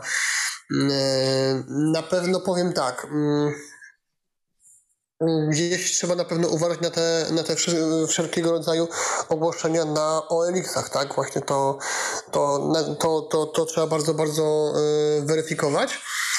Tak, e, tym bardziej, że one są też e, takie trochę wkręcające, bo e, część tych ogłoszeń jest sformułowana tak, jakby to były oferty adopcji, oddania kota, tak? Gdzieś tam jakiś tam szylkrecik szuka nowego domu i tak dalej, i tak dalej. I dopiero gdzieś tam poniżej napisana jest cena, tak? że to nie jest e, adopcja taka e, jawna od początku, e, jakby mm, na zasadzie takiej, że ktoś no, tego kota jednak sprzedaje, tak? bo, bo bierze pieniądze za, za przekazanie tego kota, ale to gdzieś jest sformułowane w taki sposób, że ktoś zdąży się już zachęcić, pooglądać zdjęcia i tak dalej, i tak dalej i nagle mm, okazuje się, że jednak nie, nie, że to nie jest E, ogłoszenie, które, gdzie ktoś chce oddawać kota, tylko chce go sprzedawać, tak? Tak, a poza tym e, też uważam, że dobry hodowca, bo popatrzmy na to z drugiej strony, o, mhm. jakby dobry hodowca e, nie ma nic przeciwko, wręcz chce się wiązać pewnego rodzaju umową z nami, e, mhm. Nabywcami kota, bo e, no, chce mieć jakąś, e, jakąś pewność, że oddaje tego zwierzaka w dobre ręce bo, bo nierzadko są też takie przypadki. Miałem taki e, z opowieści właśnie przypadek, że pani chciała kota po prostu, żeby właścicielka za, zapakowała do transportera i wysłała go gdzieś bodajże, że to Uberem czy czymś takim. No oczywiście ona się na to nie zgodziła. Mhm. No już takie no... Skrajne bardzo... przypadki, tak? I podejrzane, tak? Więc e, my, kiedy e, kota kupowaliśmy, znaczy e, dwa, dwa koty, zawsze podpisywaliśmy umowę, tam w tej umowie są różne warunki na temat właśnie zapewnienia koto, kotu warunków godziwych i tak dalej, i tak ale też są pewne takie ob, ob, obwarowania, tak, że ten, ten, ten kot nie może służyć e, jakiemuś tam rozmnażaniu, etc., etc. Jest tego dość dużo. Tak, bo cena za takiego kota, który jest e, reproduktorem, to jest zdecydowanie wyższa i też e, koty, które chcą być, e, które chcemy pokazywać na wystawie, to też są, te ceny potrafią być wyższe. Są jakby trzy rangi tych kotów, które mają hodowcy. Jest kod na kolanka, jest ten kod y, wystawowy i kod y, reproduktor. Reproduktor. Tak. Mhm. I jeszcze jedna ważna rzecz, o której y, też myślę, że trzeba pamiętać. Od zakupu kota płaci się podatek do Urzędu Skarbowego. O. to... E, nie pamiętam, się płaci. Mam nadzieję, że tak. Urząd Skarbowy słucha, Wojtku na pewno się do was zgłosi. No, ale, ale to tak, mm, powiem jeszcze, mm, że, że a propos tego, co Michał mówiłeś, e, czyli kontaktu z hodowcą, myśmy na przykład się kontaktowali, e, kiedy, kiedy Teodor e, miał być kastrowany, no bo teoretycznie niby tam się mniej więcej da się to określić, natomiast no nie byliśmy pewni, tak? Więc nagrywaliśmy filmiki z tym, jak on się zachowuje, jakie są te objawy i pani nam powiedziała, że tak, to już jest ten moment. To znaczy, to, to jeszcze od razu wejdę w słowo, tak naprawdę to y, hodowle zazwyczaj w tym momencie już kastrują koty. Być może wcześniej y, było, to, y, było to inaczej, ale teraz zazwyczaj y, są oczywiście y, jeszcze niektóre hodowle, które tego nie robią, natomiast nie ma z tego, co czytałem, żadnego y, takiego naukowego, przebadanego przeciwwskazania przeciw wczesnym kastracjom. I my na przykład... Może był jeszcze niedojrzały ten ta, e, Wojtka kot. Być może, być, mo mhm. być może tak, natomiast no, my dostaliśmy już y, Frediego wykastrowanego. Y, tu to też powiem szczerze, nam y, no, sporo, ułatwia, sporo tak? ułatwiło, tak? No bo to mhm. nie dość, że mamy małego kota, z którym jeszcze nie wiemy do końca, jak się obchodzić, to jeszcze tak naprawdę dosyć wcześnie miałby mieć przeprowadzony no, zabieg chirurgiczny, tak? Mhm, więc, tak. To jest, y, więc to jest y, też jakaś taka kwestia, która nam została ułatwiona. Natomiast y, no, tu już tu z tym nie było absolutnie żadnego problemu. Koty w hodowli, z której braliśmy Frediego, wszystkie były kastrowane.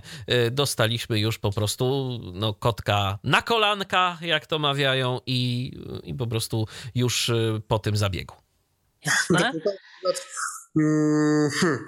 Tutaj bym polemizował, bo akurat wszystkie hodowle, z którymi ja się kontaktowałem, czy tam się kontaktowaliśmy, właśnie e, miały taki pogląd wręcz przeciwny, że absolutnie nie powinno się kastrować. Mało tego właśnie byłem, czy byliśmy uczulani zawsze, że jak kot jest wy, mm, wykastrowany, to coś jest nie halo. Czemu? Bo no, ja odbieram kota w wieku trzech miesięcy, tak? Czyli być może to jest urak doli trochę inaczej, też nie wiem. Właśnie, może to jest kwestia być rasy, może, że... być może tak, być może tak, chociaż teraz jak ja tak e, czytam e, gdzieś różne grupy, bo teraz nie jestem tylko na grupach e, Ragdolowych, na gru, mhm. grupach ragdolowych, ale też i ogólnie na kocich, to y, też y, raczej widzę y, więcej argumentów i więcej wypowiedzi y, za wczesną y, kotów. Oczywiście kiedyś tak rzeczywiście było i mówiło się o tym, że wczesna kastracja kotów jest, y, to jest problematyczna, że potem te koty mogą tyć y, i, i mogą być z nimi jakieś inne problemy, natomiast no z tego, co przynajmniej ja wyczytałem i, i wypatrzyłem, bo też zgadza się Wojtku, tu różne opinie widziałem na ten temat, no to raczej w myśl obecnej wiedzy raczej nie ma przeciwwskazań przeciw y, wczesnej kastracji.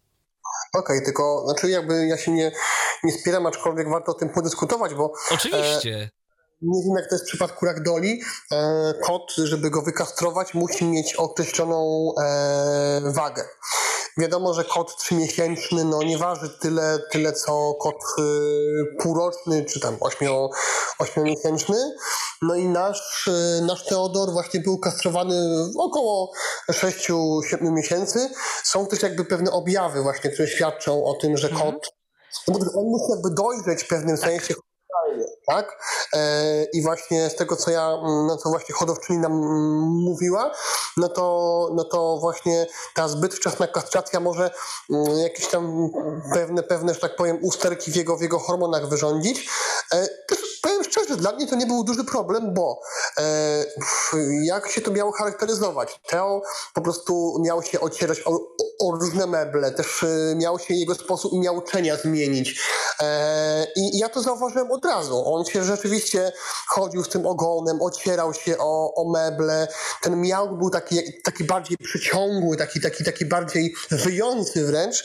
I ja po prostu nagraliśmy filmik, prawda? I pani stwierdziła, że tak, to już jakby jest czas, czas najwyższy, nie? Ja przypuszczam, że być może też ta wczesna kastracja, oprócz y, jakichś y, takich y, kwestii związanych faktycznie z badaniami, które zostały przeprowadzone, to też ma na celu to, aby mm, osoby, które biorą koty z hodowli, ich nie rozmnażały. Skoro kot jest jeszcze w rękach hodowcy, to on może po prostu zabezpieczyć się, żeby te koty gdzieś tam nie były rozmnażane na dziko, jak to mówią, chociaż mimo tego, no, jeżeli nawet y, byłby kot, y, który jest niewykastrowany i który trafia do nas, to my i tak jesteśmy zobligowani umową, że nie mamy prawa go rozmnożyć i tak naprawdę to chyba jest w ogóle tak, że w takiej sytuacji rodowód otrzymamy dopiero wtedy, kiedy ten kot zostanie wykastrowany i kiedy my, hodowcy, dostarczymy informacje na temat y, tego Drugiego zabiegu. kota. Tak, A, tego, zabiegu, tego nie? zabiegu, Tak, tego zabiegu,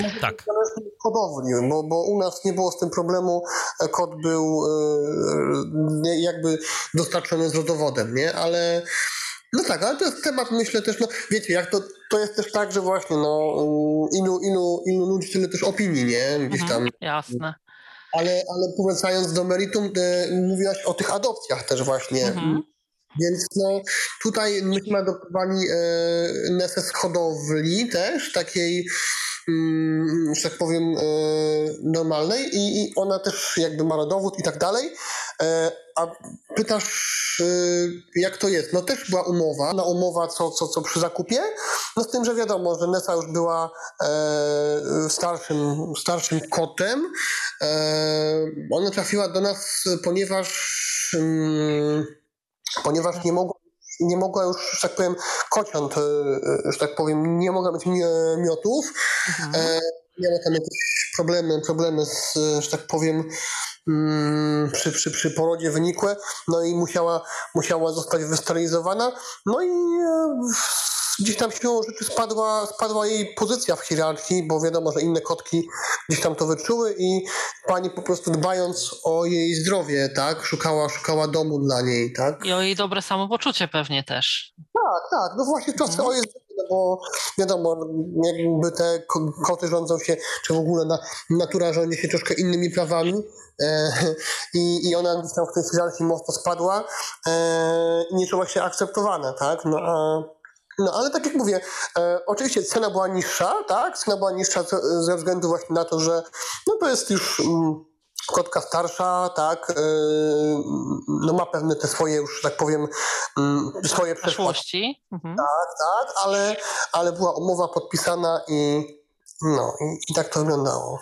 Jeśli e, chcemy mm, jakby mm, chcemy uniknąć wszystkich tych takich e, wyzwań związanych z przyjęciem kocięcia, z tym wspólnym przechodzeniem wieku dziecięcego, to może dla osób takich mniej doświadczonych albo bardziej, e, nie powiedziałabym bojaźliwych, ale takich bardziej ostrożniejszych, może to jest dobrym rozwiązaniem, żeby pierwszy kot był kotem dorosłym, bo generalnie łatwiej będzie nam sobie poradzić z wszystkimi kwestiami takimi związanymi z e, e, utrzymaniem czystości przez tego kota i tak dalej, i tak dalej. Czy się nie zgadzacie? Czy uważacie, że to...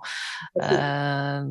Może być, aczkolwiek jeżeli jest dobra hodowla, to co mówił Michał, no mhm. to kot nie ma no, no, no, nie ma takiej możliwości, żeby on nie był nauczony kuwetowania mhm, i tak dalej. Jasne, jasne. Ja tylko pamiętam taką sytuację, że nasz Teodor e, właśnie kiedy kuwetę mu się przestawiło, e, kiedy był u nas tam pierwszy czy drugi dzień, bo ja sprzątałem coś, on chodził wokół tego miejsca, gdzie była ta kuweta wcześniej i jej szukał. Chodził i miałczał.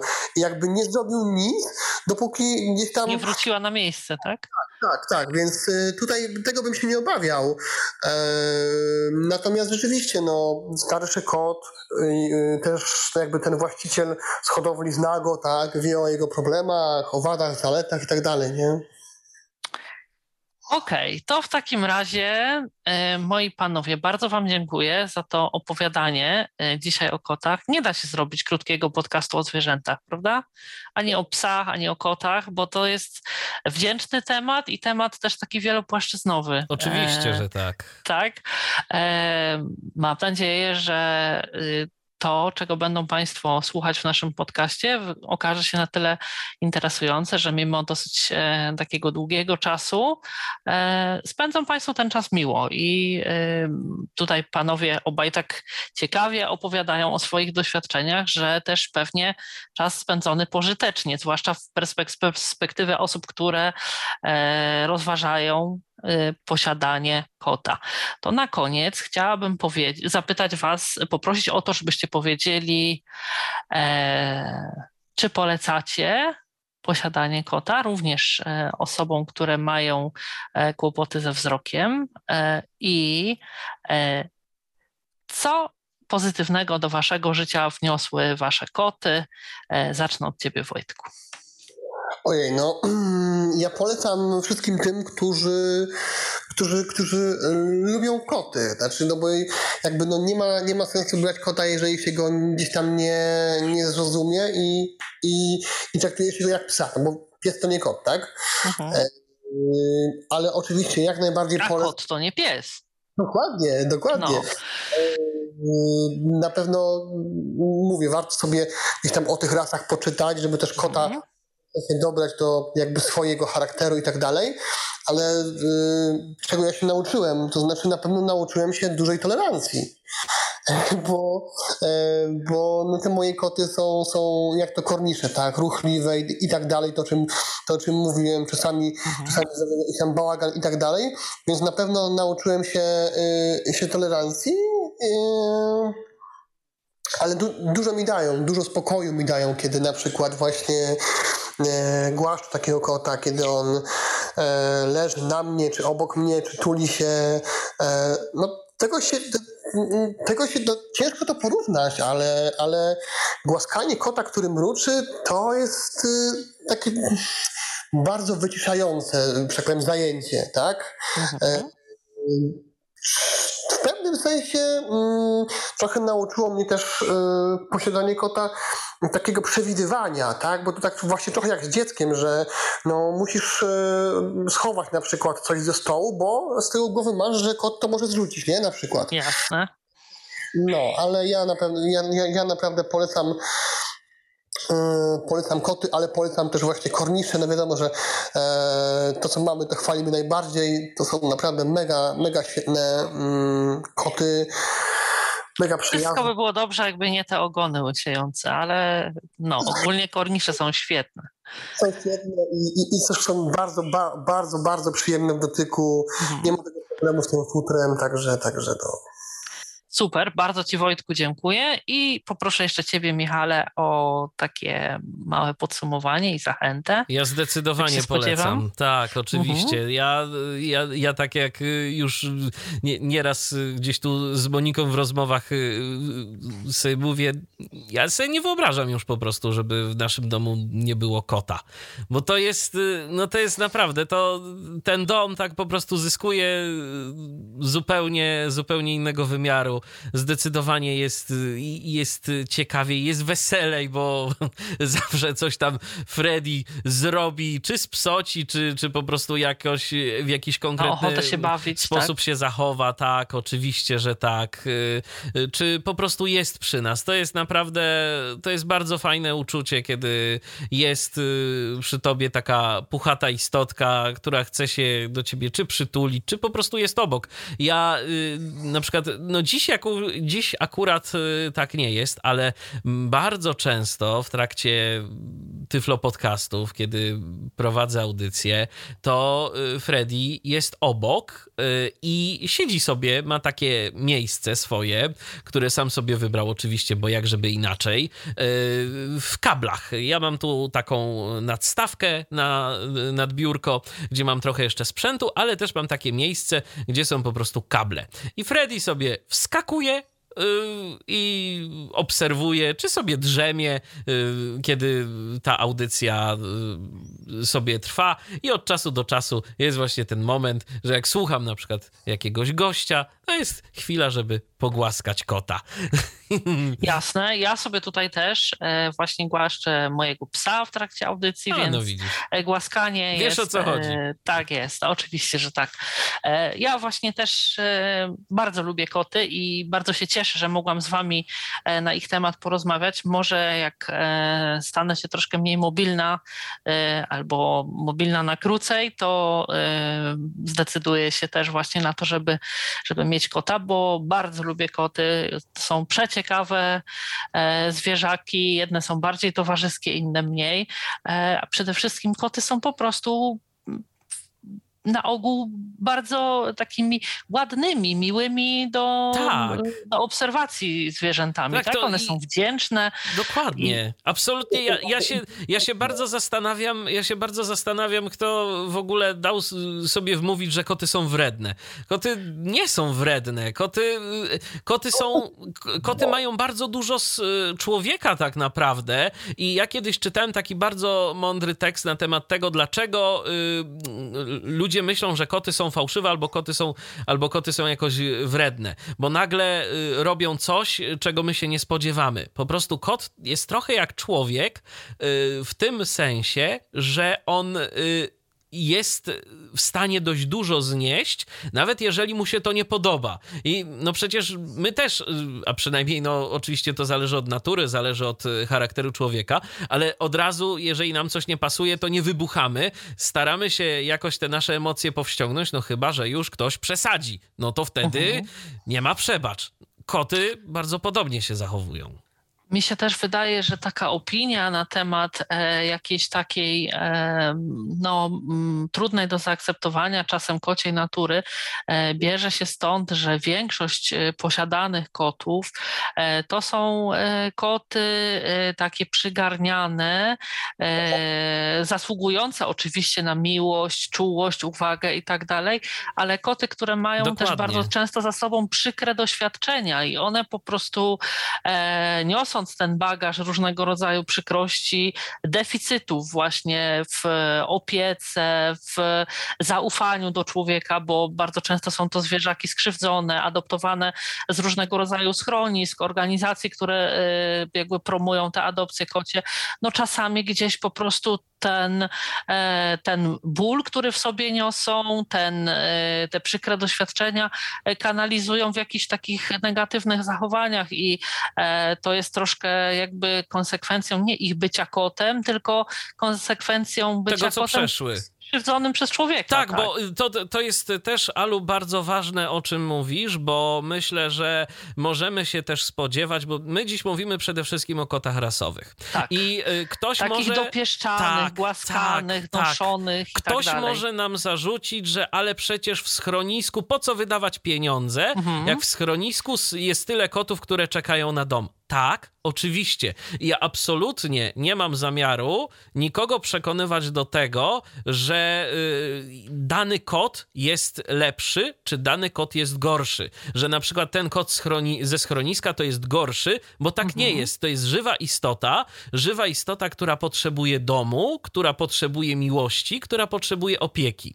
Natomiast trzeba sobie po prostu zdawać sprawę z tego, o czym mówiłaś. Ten kot będzie miał i może mieć bagaż doświadczeń, o którym my nie wiemy. Oczywiście też w tych schroniskach czy fundacjach zajmujących się kocimi adopcjami y, będą w stanie na przykład y, dobrać kota y, do naszych jakichś preferencji. Jeżeli chcemy kota żywiołowego, to prawdopodobnie takiego uda się znaleźć. Jeżeli chcemy kota spokojniejszego, to też. Natomiast trzeba się liczyć z tym, że to nie jest tabula rasa, to nie jest czysta kartka, na którą my mamy tylko wpływ i naszym zachowaniem i traktowaniem tego kota będziemy pisać y, to jego życie, ale miało na to wpływ mnóstwo innych osób, czasem niestety I też złych. o których nie wiemy, tak? Tak, tak. I po mhm. prostu, i szczególnie, no ja powiem tak, no, chciałby człowiek zrobić ten dobry uczynek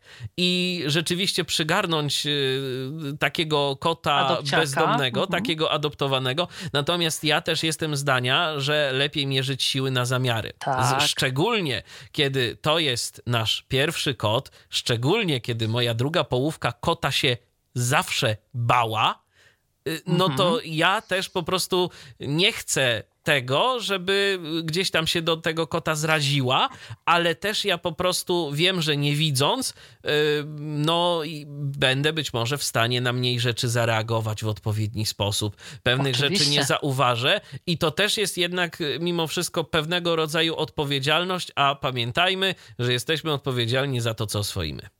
Oczywiście jesteśmy odpowiedzialni za to, co oswoimy i musimy też pamiętać o tym, że to jest odpowiedzialność na lata. E, my też właśnie decydując się na naszego pierwszego psa, e, też rozważaliśmy kwestię właśnie adoptowania, ale zdecydowaliśmy się na psa z hodowli, e, konkretnej rasy, bo wiedzieliśmy po prostu, oczywiście wiadomo, że y, są też cechy osobnicze, e, różne charaktery, usposobienie, jedne psy są bardziej lękliwe, inne mniej i tak dalej, ale decydując się na psa konkretnej rasy z hodowli, która dba o zachowanie wzorca, czy to psa, czy kota, my mamy większe prawdopodobieństwo e, tego, że będziemy po prostu wiedzieli, jaki ten pies czy kot będzie, bo on jest bardziej typowy dla swojej swojej rasy. I ja też jestem daleka od zniechęcania tego, do tego właśnie, żeby adoptować. Zresztą e... mamy w Tyflo podcaście audycję tak, o kociej adopcji. Z Darkiem, e, tak, z Darkiem. dobrze pamiętam. Dokładnie, więc jeżeli mhm. chcecie, jeżeli chcecie pójść tą drogą, e, to absolutnie nie będziemy was zniechęcać, po prostu bo my pokazujemy inną, bo zdecydowaliśmy się właśnie na taką, ale mm, kot jest kotem i, i kot będzie w większości przypadków zawsze kochany. Jasne. E, raz jeszcze bardzo Wam dziękuję. E, moimi i Państwa gośćmi byli dzisiaj e, właściciele, dumni właściciele kotów. Michał Dziwisz, dziękuję Ci Michale. Dziękuję bardzo. Oraz Wojciech Dulski, dziękuję Ci również Wojtku. Dziękuję.